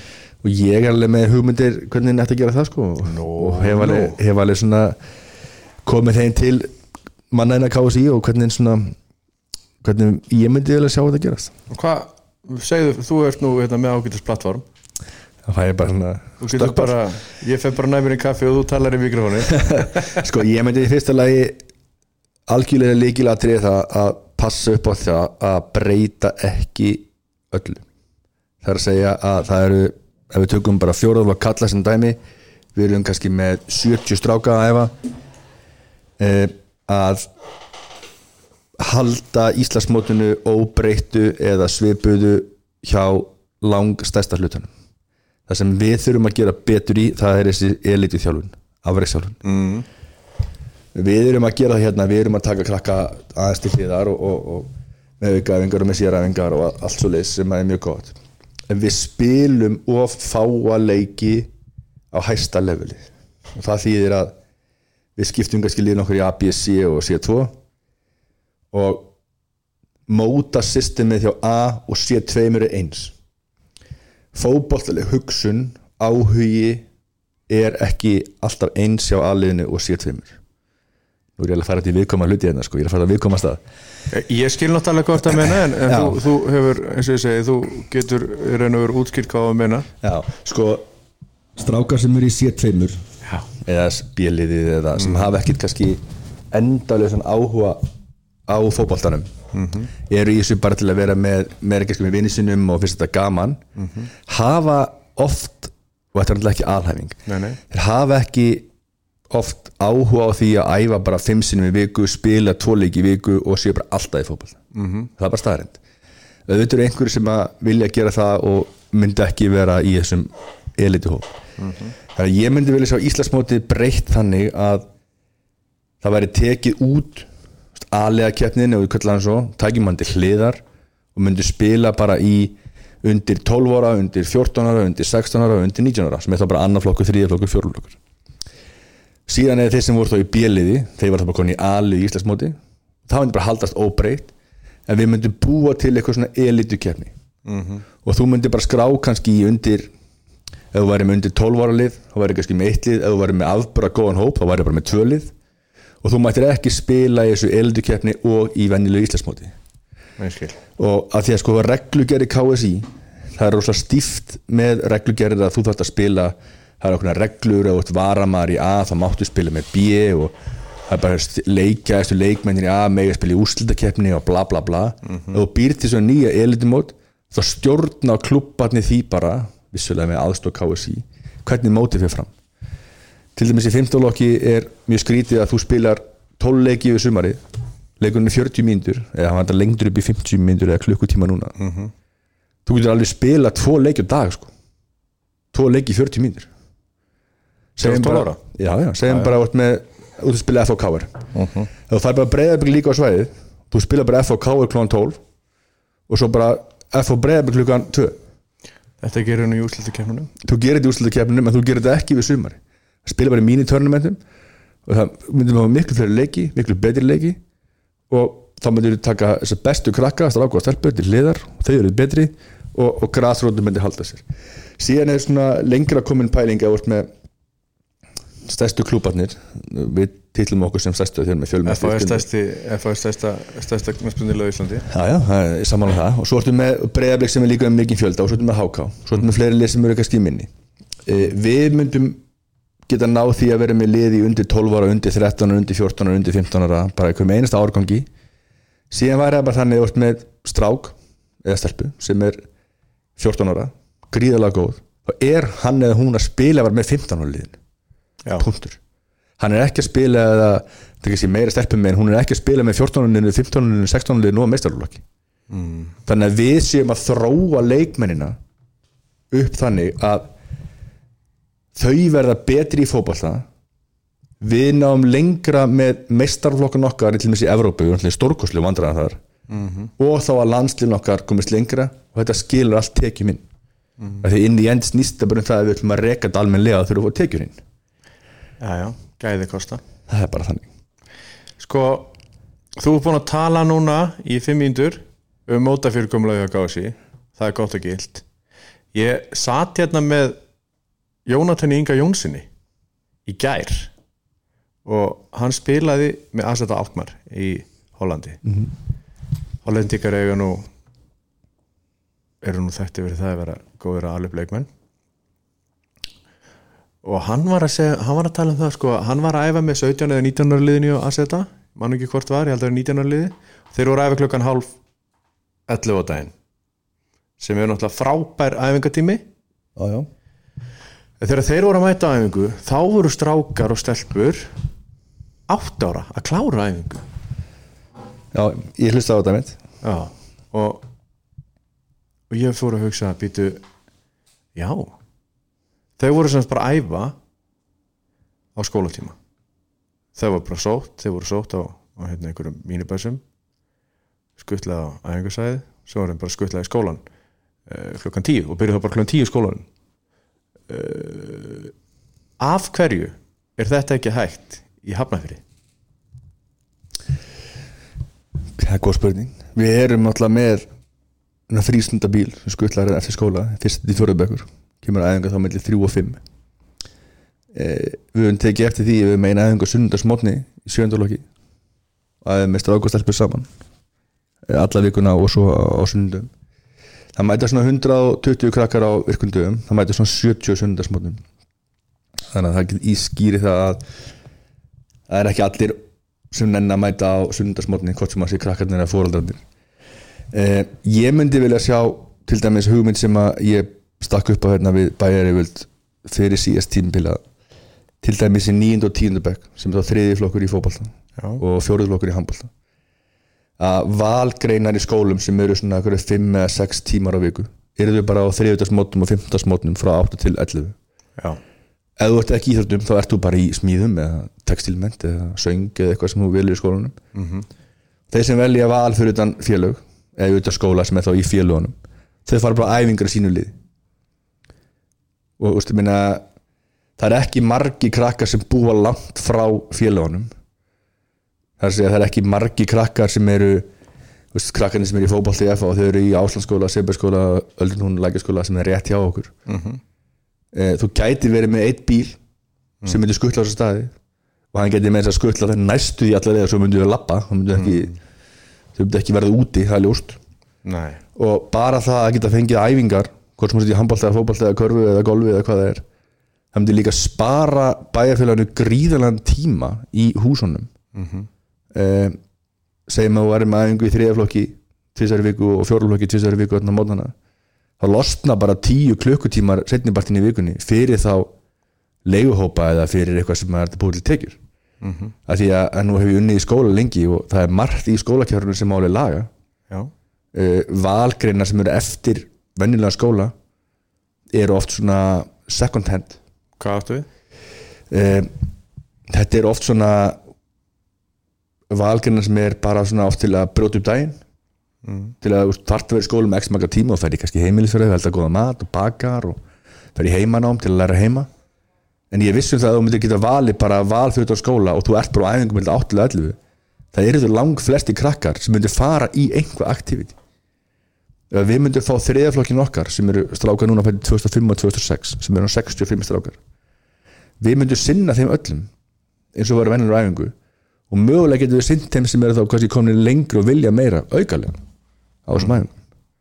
Af því að líka það að þú þekki það bara þjálfun og, og, og flesti þekki það að þegar æfinginu á lögutast móti klón 10 og þú ert mættur hérna hálf 10 eða klón 9 sem þjálfari og ætti að undirbúa þetta og leikmændi mæta klukkan hálf 10 og fara í gymmið aðeins undan og græja sig og æfingi verði miklu betri heldur en æfingi einhverja 5 og þá mæti allir 5 í 5 og búin að vera í sko, í ba- ba- harkinu í nýju tíma. Já, og sko þótt að æfingi byrja 10.04 því að það er lögðast morgun og allir eru bara lettir og svo fara með að stað þú tapar ekki að því að þú þarf bara að vera klukkutíma 75 minnir í skessunni að það ekki með nýr hópur þú verður að byrja bara slæginu það skiptir allt máli sko. annar flokkur kalla í annar og þriður flokkur kalla í og hvenna í að fá ég myndi reikna með á hans ég þekki það að þau séu að æfa hálf sjö, hálf átta, jafnvel hálf níu kannski einu sinni í viku, þetta er rétt. Já, já, þau vakna væntar klokkan sjö á mótnana já, þá eru þau búin að vera vakandi í 12-13 tíma. Já. og svo eru menn að velta því fyrir sér af hverju við erum að dragast aftur úr. Og svo eru menn að velta því fyrir sér af hverju við vinnum ekki einhverja letta eða íslendinga í Európa-kefni já, já.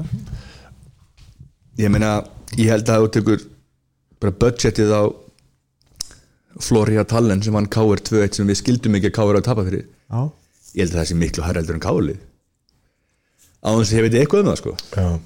En ég meina við, við þurfum að velta einhvern steinum og ég meina við þurfum að breyta einhverju Já, já, og Arnar er hann búin að breyta miklu inn í KSI, hann er búin að lengja leikina og, og hann er búin að gera ímislegt en það er bara, þetta er smá risaðilu samfélag.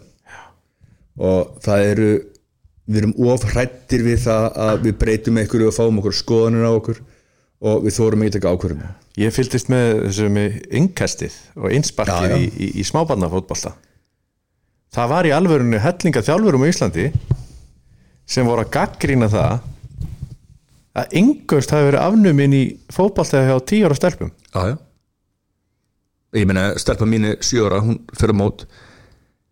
Þetta er bara þetta er í alvörunni þetta er bylting í fótballtaða við krökkum. Að leggja bolta á lína og af stað með þig. Ég skammast mín eðla fyrir það. Að hafa þjálfað yngjaflokka í, í núna síðan 2003 af því að hver sem ég hef þjálfað þá hef ég alltaf þjálfað yngjaflokka hafi ekki verið búin að koma þess að hugmynd sjálfur. Já, já. Af því að á æfingum þá hefur maður nú bara sagt ofta tíðum sko bara hérna, heldur bara að fara byrjum frá markmanni eða eitthvað. Og ég man bara að að við hann fer á okkar mót og hann sé bara eitthvað lið þarna, vikingur breyðablikið eða eitthvað. Mm. og hann sagði bara það var innkast og það var eitthvað stelpumóti. Og hún hendi boltanum inn á og vinkonan tók boltan og sparkaði út af. Og hinn náði honum inn á sparkaði út af. Mm -hmm. boltin ef hann fór í innkast þá var boltin bara í innkast í allan leikin og með svolítið hrættur um það að, að bestu krakkinu myndi bara reykja bátt inn og bomba marki og skora. Og ég bara sé ekkert aðtöfuvert við það. Nei, nei, þetta snýst svolítið um það að reyna að skora mark. Við viljum það. Já, já, en sko er þetta spurning svo í fimmtaflokki, fimmtaflokki A þá þá hérna voru menn fannir klókir að læra svolítið á þetta og, og sem bara gott. En svo er líka annað í þessu að við erum með talið með þess að elitu flokka og allt þetta. Við erum með það, við erum með 11 lið í fimmtaflokki og það er sami fótbolti spila liðið 1 og liðið 11 mm um, ef þú ferð í aðra íþrótt sem við spilum báðir sem er golf. Mm. þeir sem eru í liði eitt þar þeir spilu ákveðnum tegum, þeir sem eru í liði 11 spilu öðrum tegum, þeir eru svona að spila saman leikin Ég spila hvítu tegunum og þú spilar á gulu. Mm samt er ég höglingst í þjálfur landsins, þú veist það. En það er rátt uh, þannig að þú veist, ég stakk upp á því þegar að, að var ákveð að spila hérna fjóra háluleika í 15 lokki fjóru svona 12 mínútur. Uh, eða fjóru svona 15 mínútur mm ég stakk upp á því að í C og D-lið, þar sem eru krakkar sem konil stittra, sem eru yngri sem eru nýbyrjar sem eru kannski erfiðar með að hlaupa yfir allan völlin að spila bara C og D á eitt fjóraðvöll þá getur þú spilað fjóruleiki einu. Þú getur verið með lengri leiki þú myndir snerta boltan áttur þú myndir skora fleiri mörg þú myndir fleiri mörg á þig. Leikurinn væri áhugaverðari af því að það segir sjálft að, að ef að ég færi núna í fótbolta með félögum mínum og spila á 11 mannum öll það er því hörmulugu leikur. Þegar við ættum bara erut með að hlaupa teguna milli í 90 mínútur. En við getum spilað á eitt fjórða þessi sem er ekki toppstandi og það er bara skemmtilega fótbolta að horfa mjög. Þannig að, að við, við setjum alla í sama far í leikjum en við gerum það ekki á æfingu og það er bara hræðisla myndi ég segja einhverju leiti hjá ákveðnum klúbbum. Að ef við förum í þetta elitustarf eins og gert út í heimi að þá eru þessi toppar sem eru í klúbbunum sem ná ekki alltaf í góðlið, svona elitulið að þeir myndi missa þá leikmenn að sína í önnulið Mér finnst þú eiginlega verið að segja sko við töluðum það áðan að, að, hérna, að það sem við verum góð í væri það að við allir fá að vera með -hmm. og allir fá þjálfun. En mér finnst þú eiginlega verið að segja að við getum gert betur hluti fyrir afbröðar yðkjöndunar okkar og líka fyrir þá sem eru komin skemur á veg.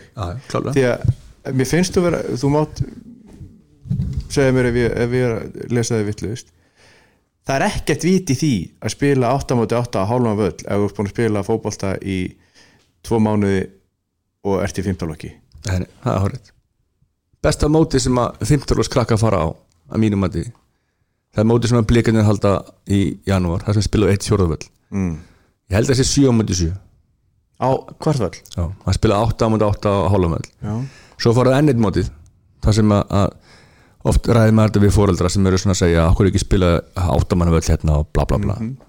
Sem er bara gott og blessa að foreldra hafi skoðan á þessu. Það er bara fínt já það er spyrir spurninga Já, og þau hérna segja, svo faraðu ennið mótið. Og þá spilaðu á sjömanavöll bara stónavöll Já, en þú myndir mæla völlin þá er völlin pínu lítill. Já, já, ennið mótið sko, ég er ekki viss um að besta liðið, besta fótbolta liðið per se, hafi unni ennið mótið undanfæran ár, af því að þetta er svo litli vellir að það er svo erfitt að spila og vellin er lélegur á lokateginu af því að það er svo mikið álag á þessu að það er til dæmis ideal stærð á velli fyrir 15 lók já. sem er svona rúmlega eitt fjórði. Bestu krakkarnir sem eru konar lengst þau getur auðvitað að spila það á áttamannavelli. En strákur að stelpa sem er bara þú veist, ef við tek bara allar bróður sem dæmi sem var alltaf bara 1.40 á hæð þegar hann var í 15 lokki eða minni eða eitthvað var. Hann átti bara í erfileikum með að fara yfir völl. Hann var bara heppin að hlinu þjálfa hann og lulli þjálfa hann og þeir hugsa bara þessi gaur er bara góður í fótbolta ég ætla bara að nota hann þótt að hann sé lágvaksinn og þú veist, ef hann hefur lent bara á okkur í risaðölu sem verður bara, já ég nota bara hann að stóra hérna og næ, tveitur úrslit. Kannski var allir heppin líka því að hann var í ógeðslega góðum árgangi. Hann gat verið bara með þeim að því hinn voru svo góðu líka og hann alltaf var góður í fótbolta. Ég meina, vítjón sem hann sett inn hérna þegar það var þessi söfnur hérna í COVID þetta var ekkert smá góðu fótbolt sem spilu og þetta var fyrir sko 15 árum eða eitthvað. 20 árum. Þannig að veist, ég sem foreldri hlýta að vilja bara besta fyrir barnið mitt. Já, ég vona það. Já, og veist, ég hlýta að vilja það þegar hún fyrir að leikur sér í fótbolta eða fimmleikum að hún sé bara á verkefnum að hæfi. Og þeir sem eru búin að menta þessu og þekkja þetta og þekkja þetta inn og út og veist, við erum ekki að minka völlin fyrir ákveðin aðeins til að koma hinu meira á framfæri. Við erum að minka völlin svo að barninu þínu gengur betur í íþróttinni. Það er eiginlega ótrúlegt að við skulum búin að vera að tala um þetta núna í tíu myndu kortir Já, þetta er bara, svo, veist, í faxaflómotinu ég sitt nú hér í nefnd hana, faxaflónefndinni já, Já, já, ásand góðum mönnum Jóa B. í Keflavík og Hákonni Sveris og Omma í Háká Við ákváðum það bara, við spilum bara A og B lið 15 löki á hálfamöll C og D og 1 fjóraföll já. Það var alveg töða í byrjun og svo bara, Hver, byrju, hverju voru að töða? það voru einhverju fórald, nei, einhverju þjálfarar þjálfarar í hinu liðanum sem voru bara svona, veist, á,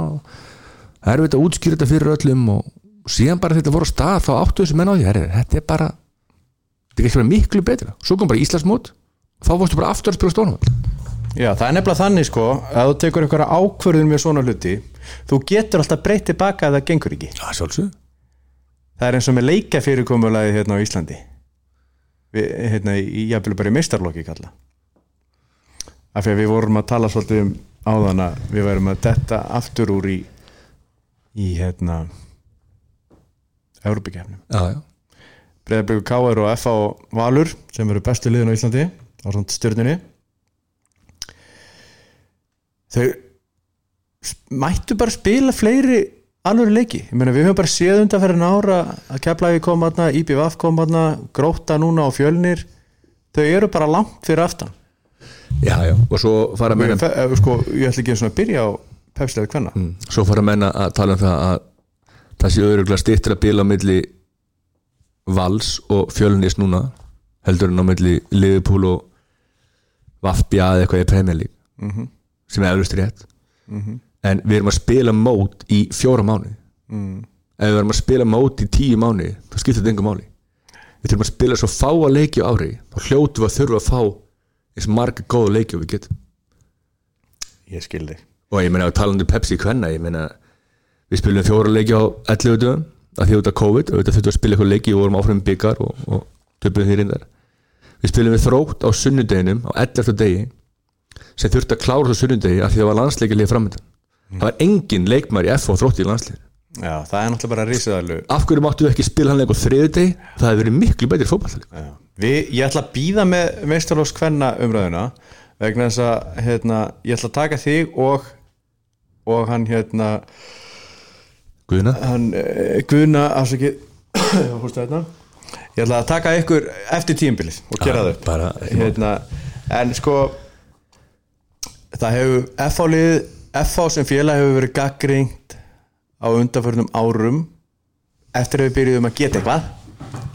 Þá hefur stundum komið gaggrinni á, á, á klubbina að við séum ekki að skila nóg mikið leikmunum upp í meistarlokk Karla. Mm. vegna þess að meistarlokk Kvenna hefur svo sannarlega skilað bæði góði leikmunum í, í, upp í, í meistarlokk FH sem síðar mér hafa verið færðar yfir í önnur félög og, og, og svo framvegis, það er önnur umræð en, en það er mikið að stelpum komið gegnum að fá starfið.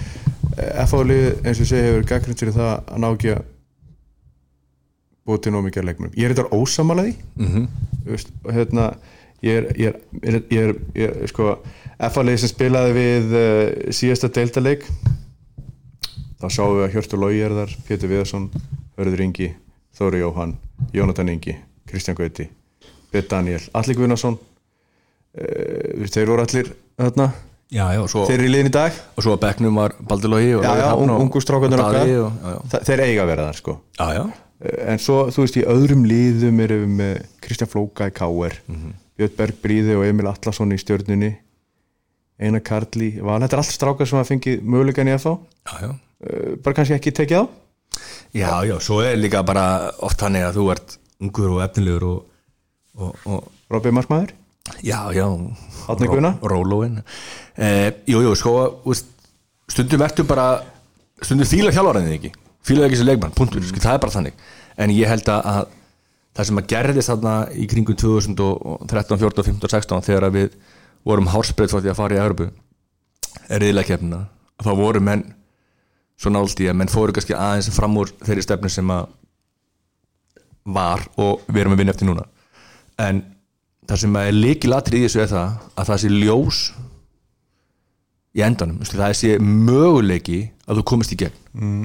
og hann var hann var þegar að Brynjar, Einar, Gauti, Bötti þeir voru að koma upp. Mm. Emil Páls. Mm. ég glemti hellingan já, já, Viktor Segata og, og fleiri gauðra sem voru þarna í grensinu uh, síðan kemur svona törn og það getur líka alveg orsaka því að menn horfa nýri annan flokkin og sjá bara ok, það er ekkit rosalega spennandi að koma upp.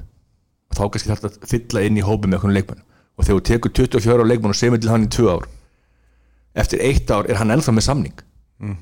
Og svo tekur ykkur framförum og ég held að það hef ekki margir F-fáingar ekki fengið sjensin að komast í gegn. Þetta áheldur ekkit að vera þannig að þú bara skráður í sjöttaflokk og fer upp í annan flokk og þannig búin að fer í meistarflokk það að gera þannig. Ekki viljum vinna til Nei, að vera þannig að þú ætti að leggja á þig og þú ætti að vera góður þú ætti að vera einn af betri mönnum ef ekki bestur í þínum árgangi. Og ég held að hafi engin leikmaður ekki komist í gegn sem að, að menn hugsa eitthvað svona er anskotin þessi, við ættum að halda þessum. Ég held að það ekki gert sko. Ég er sko, en, en það sem ég ætla að vera í raun og veru að koma að sko er að það er þitt hlutverk að, að, að, hérna, að við, eftir, eftir 15 ár þá getum við talið upp ennþá fleiri nöfnheldur en þessi, þessi frábæri náunga e, sem vonandi sem leikmenn í FH eða í atvinnumennsku við viljum selja þá í atvinnumennsku e, en ég er, ég er að hugsa sko núna í dag þegar þið eru kannski með segjum sem svo að að nonni litli sé á miðárið þrjaflokki og hann er í, hvað þá, 15 ára landsliðinu? Já, um, yngra ári í, í þriðaflokki Já, eitthvað svona, já. ungur efnilegur. Mm er, set, hven A, setust þið niður, niður með honum og þá B, hvenar og förum yfir það þú veist, þú ert í þriðaflokki eða öðru flokki þú veist, teginlegt þetta þið sjáu það, þú veist, Nonni Littli er með potential til þess að vera frábæð leikmaður, kannski meistarálsleikmaður setist einhvern veginn niður með hann og segi því þú ert hér, við viljum fá þig þangað eftir eitt ár, þangað eftir tvö ár þangað eftir þrjú ár. Eh, við ætlum að gera það svona, gerið það með leikmanninum og kannski foreldri. Eh, eða erum við ekki byrjað þessu? Ég er kannski að segja þetta vegna þess að ég náttúrulega bjóð og starfaði nú reyði mörg ár og, og kynntist þessu svolítið þar sko. Sko við erum þetta er kannski það sem að, að við getum gert betur hér mm. við erum svolítið sko öðruvísi heldur en kannski stóru klúbarnir úti í Skandinavíu og annars þar að þegar þú ert 16 ára og ert sænaður í Rosenborg og ert í úlingaliðinu þar þá ertu ákveðinir vegferð sem að þú ert að þeir eru að búa til fyrir að selja það lengra spila í Rosenborg eða að þú farir eitthvað liði annars selja það þanga ef þú ert 16 ára í FH 17 ára í FH og ert orðin öflugur þá er það að mínum mati nóg til þú komist inn í mestarflokk þú serði ekkert 16 ára strák í Rosenborg sem er öflugur, hann er ekkert komin í aðlið skilur við, við erum með svona plattform okkar Öðugar spilaði landsleik með normunni 15 ára. Já já, hann er kannski líka svona undirtegning Eh, við erum sko við þurfum að gera þetta betur, alveg klárlega. Setjast niður með þeim og fóröldarnum af því að við þurfum líka að kótsa fóröldarna Akkurat. Af því að ef við segjum bara staðan er svona, við ætlum að gera þetta svona svo þegar það kemur okkur óanæg upp sem er alveg alltaf góð að kemur og menn hafa skoðanir og menn segja síðan skoðanir þá getum við bent á, við erum ennþá hér í þessu ferli mm skilur og það sem við höfum gert þetta var að við höfum bara samiðu leikmynda sem er gott og því við viljum halda þeim hjá okkur og til að byggja ofan á það. Síðan eru konið mestarflokk þá eru oft á tíðum veist, það er ekki þannig en ég skil alveg menn sem að hugsa ok, hann er konið mestarflokk ok, veist, nú er ég bara komið þangað nú þarf ég bara einhvern veginn að halda mér hérna inni og, og líf heldur áfram, í staðin fyrir að fara aðeins í mestarflokki, aðeins með þeim í tvær vikur fara aftur í annan flokk, aðeins með þeim í fimm vikur spila leikið þar, fara aðeins mestarflokki í þrjár vikur. Við hljótum að geta verið með eitthvað sem meira rennir í hann í gegn á ákveðun leikmunum sumi fara bara inn og plumma sér bara stórgóðslins og logir hramm okkur svona efnilegsti leikmæður dag bara gera fáralega góða hluti. En planið með hann ég veit ekki alveg hvað það er, skildur du Nei ekki nema það bara að núna er hann komin það nált mestarloknum, hann er bara á neitna leikmannu fyrra það er miklu meira mál með þá sem eru á eftir honum. Hvernig ætlum við að koma ykkur eins nálat og hann er? Og það er það sem að, að, að við erum að fara að gera og við þurfum að gera. Og þurfum að gera betur. Þú, þú nefnir hérna þú segir að það þurfa að þjálfa þjálfa hérna fóreldrana ég þjálfaði eins og sjöndal að kalla FH og ég var að hjóla heim. Það ringdi pappin í mig og spurði sko Sætljón Páll, þetta er hérna bara Gunni hérna, pappans binna eða eitthvað? Ég sagði blessaður, ég gekk vel. Topp maður. Bara, hann var nýr foreldri með strák í sjöndaflokki, sex ára. Og hann spyrir mig er ástæðan fyrir því að sonum minn sé í bjöliðinu á þessu móti svo að þú hatar mig eða hatar strákin og ég ég vissi nú, ég var nú að velta fyrir mig hvort það væri drukkin sko á þrjuti en, hérna, en og ég, í mörg ár þá var ég að velta þessu fyrir mig fannst þetta alveg glórulöst sko, en svo fatta ég það bara, herðu þetta er náttúrulega bara maður sem vil allt fyrir börni sín eins og, eins og all, allir fóreldrar eða e- allan eiga vilja hann bara kunni kannski ekki alveg vissi kannski ekki alveg hvernig þetta virkaði og svo gekk þetta nú bara fínt og strákur nöyt sín og var í fótballtæði FH í mörg ár. En, en það sama á, sko ég er að reyna að það þetta, þetta snýst svo mikið um samskipti af því að þessi strákar sem við vorum að fara einn yfir 92-93 árgangur FH, þetta var ákveðum gullkynslu mm -hmm. þú veist það alveg. Auðvitað Íslandsmyndari 54 fyrir öðrumálki margóft. Og jú, einhverjur að þeim fóru upp aðrir að fóru í önnu lið. Margir að þeim fóru bara hættu að snemma en voru með einhverja væntingar og þeir hafa margir, þetta er náttúrulega strákar sem við tengdi mér þeir hafa margir bara sagt við mig að mamma og pappi hafi raunur, eða pappi oftast bara eðrætt fyrir þeim Mhm. með því að fara að hamast í þjálfurum í mistarflokki af því þú voru kannski búin að komast upp með það að geta ringt í þjálfarinn í 5. 4. 3. flokki og ég veit ekki skilur hvað ég er að fara Já, já, þetta það er ég er að segja sko, ég, þurfum við ekki að setjast niður og segja bara, herðu þú veist, þú ert hérna eftir eitt ár þá viljum við að þú sért hérna og við ætlum að gera þetta svona. Halda þeim á tánum. Ég held þessi líka sko það sem að, að gerist fyrir einhverjum árum með það að að hann Gilvi fer út til retting mm. og Gilvi er okkar kannski næst besti fótballtum ára upphafi einn af tveim bestu, hann og Eidur mm. kannski Ásir Simarsson, önnur umræð hann fer út á gríðarleiri vinnusemi -hmm. hann æfir og æfir og æfir og æfir og æfir fer út, kemst í gegn með dugnaði og hans eiginleikar í fótball er alltaf bara frábæran skotfút, frábæra vinnusemi lesleikin vel. Og hann ekkert eitthvað honum að kenna en svolítið, hann segir bara að ég ákvað það bara að æfa mig ógeðslega mikið til að ná þessum árangar því mér langaði þetta svo mikið. Og svo er náttúrulega sterkur á milli eirnana Já, já, sem er frábært. Síðan ertu með aðra leikmenn út með Albert Guðmunds, út með Jóhann Berg út með Alfred Fimboðsson sem eru eflaust duglega líka og löðu mikið á sig.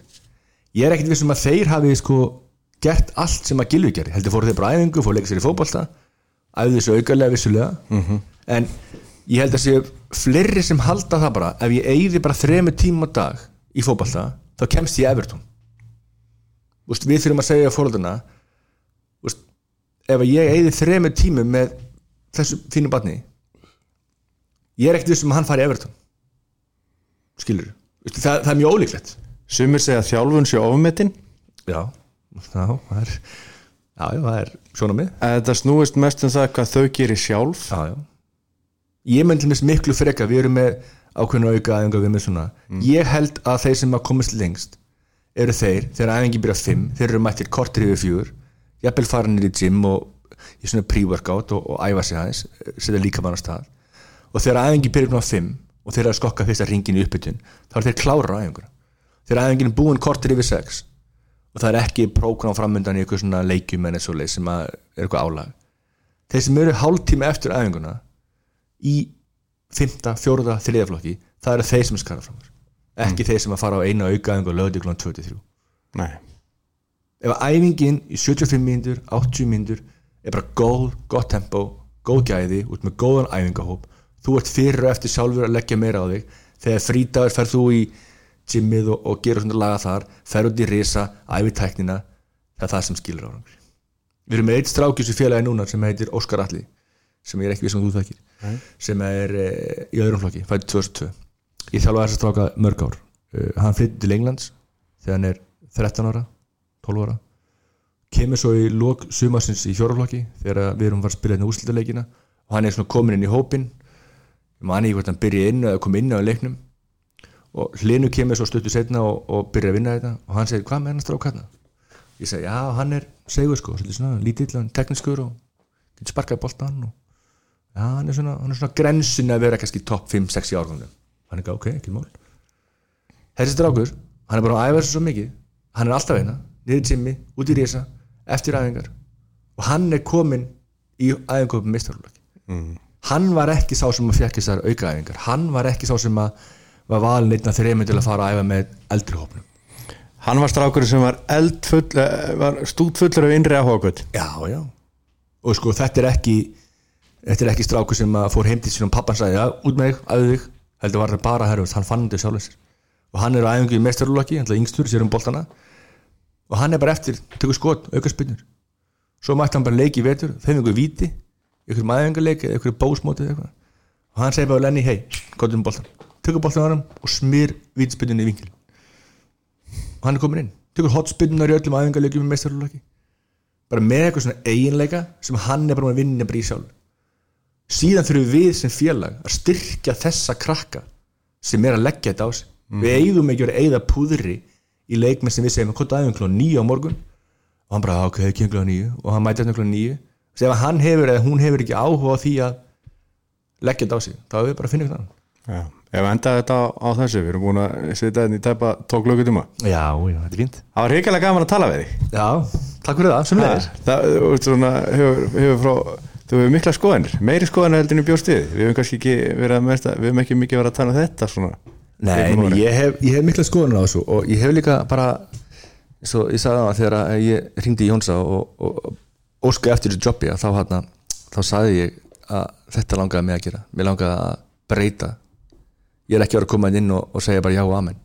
Nei, heldur langaði mig að breyta ykkur og ég verð ekki alla æfið þessu starfi, það er alveg ljóst. En ég vil allavega að þegar ég hætti þetta að sé, sé eitthvað breyting. Og ég talaði um það að þetta væri kannski fimm ár sem að ég myndi alveg breyta og þá eru fleiri ungi leikminn konur upp og, og ég held að þið séu á leiðinni Átni Freyr Guðnarsson, yfirþjálfari Ingjörloka FH, þakkaði kærlega fyrir spjalli Takk sem leiðis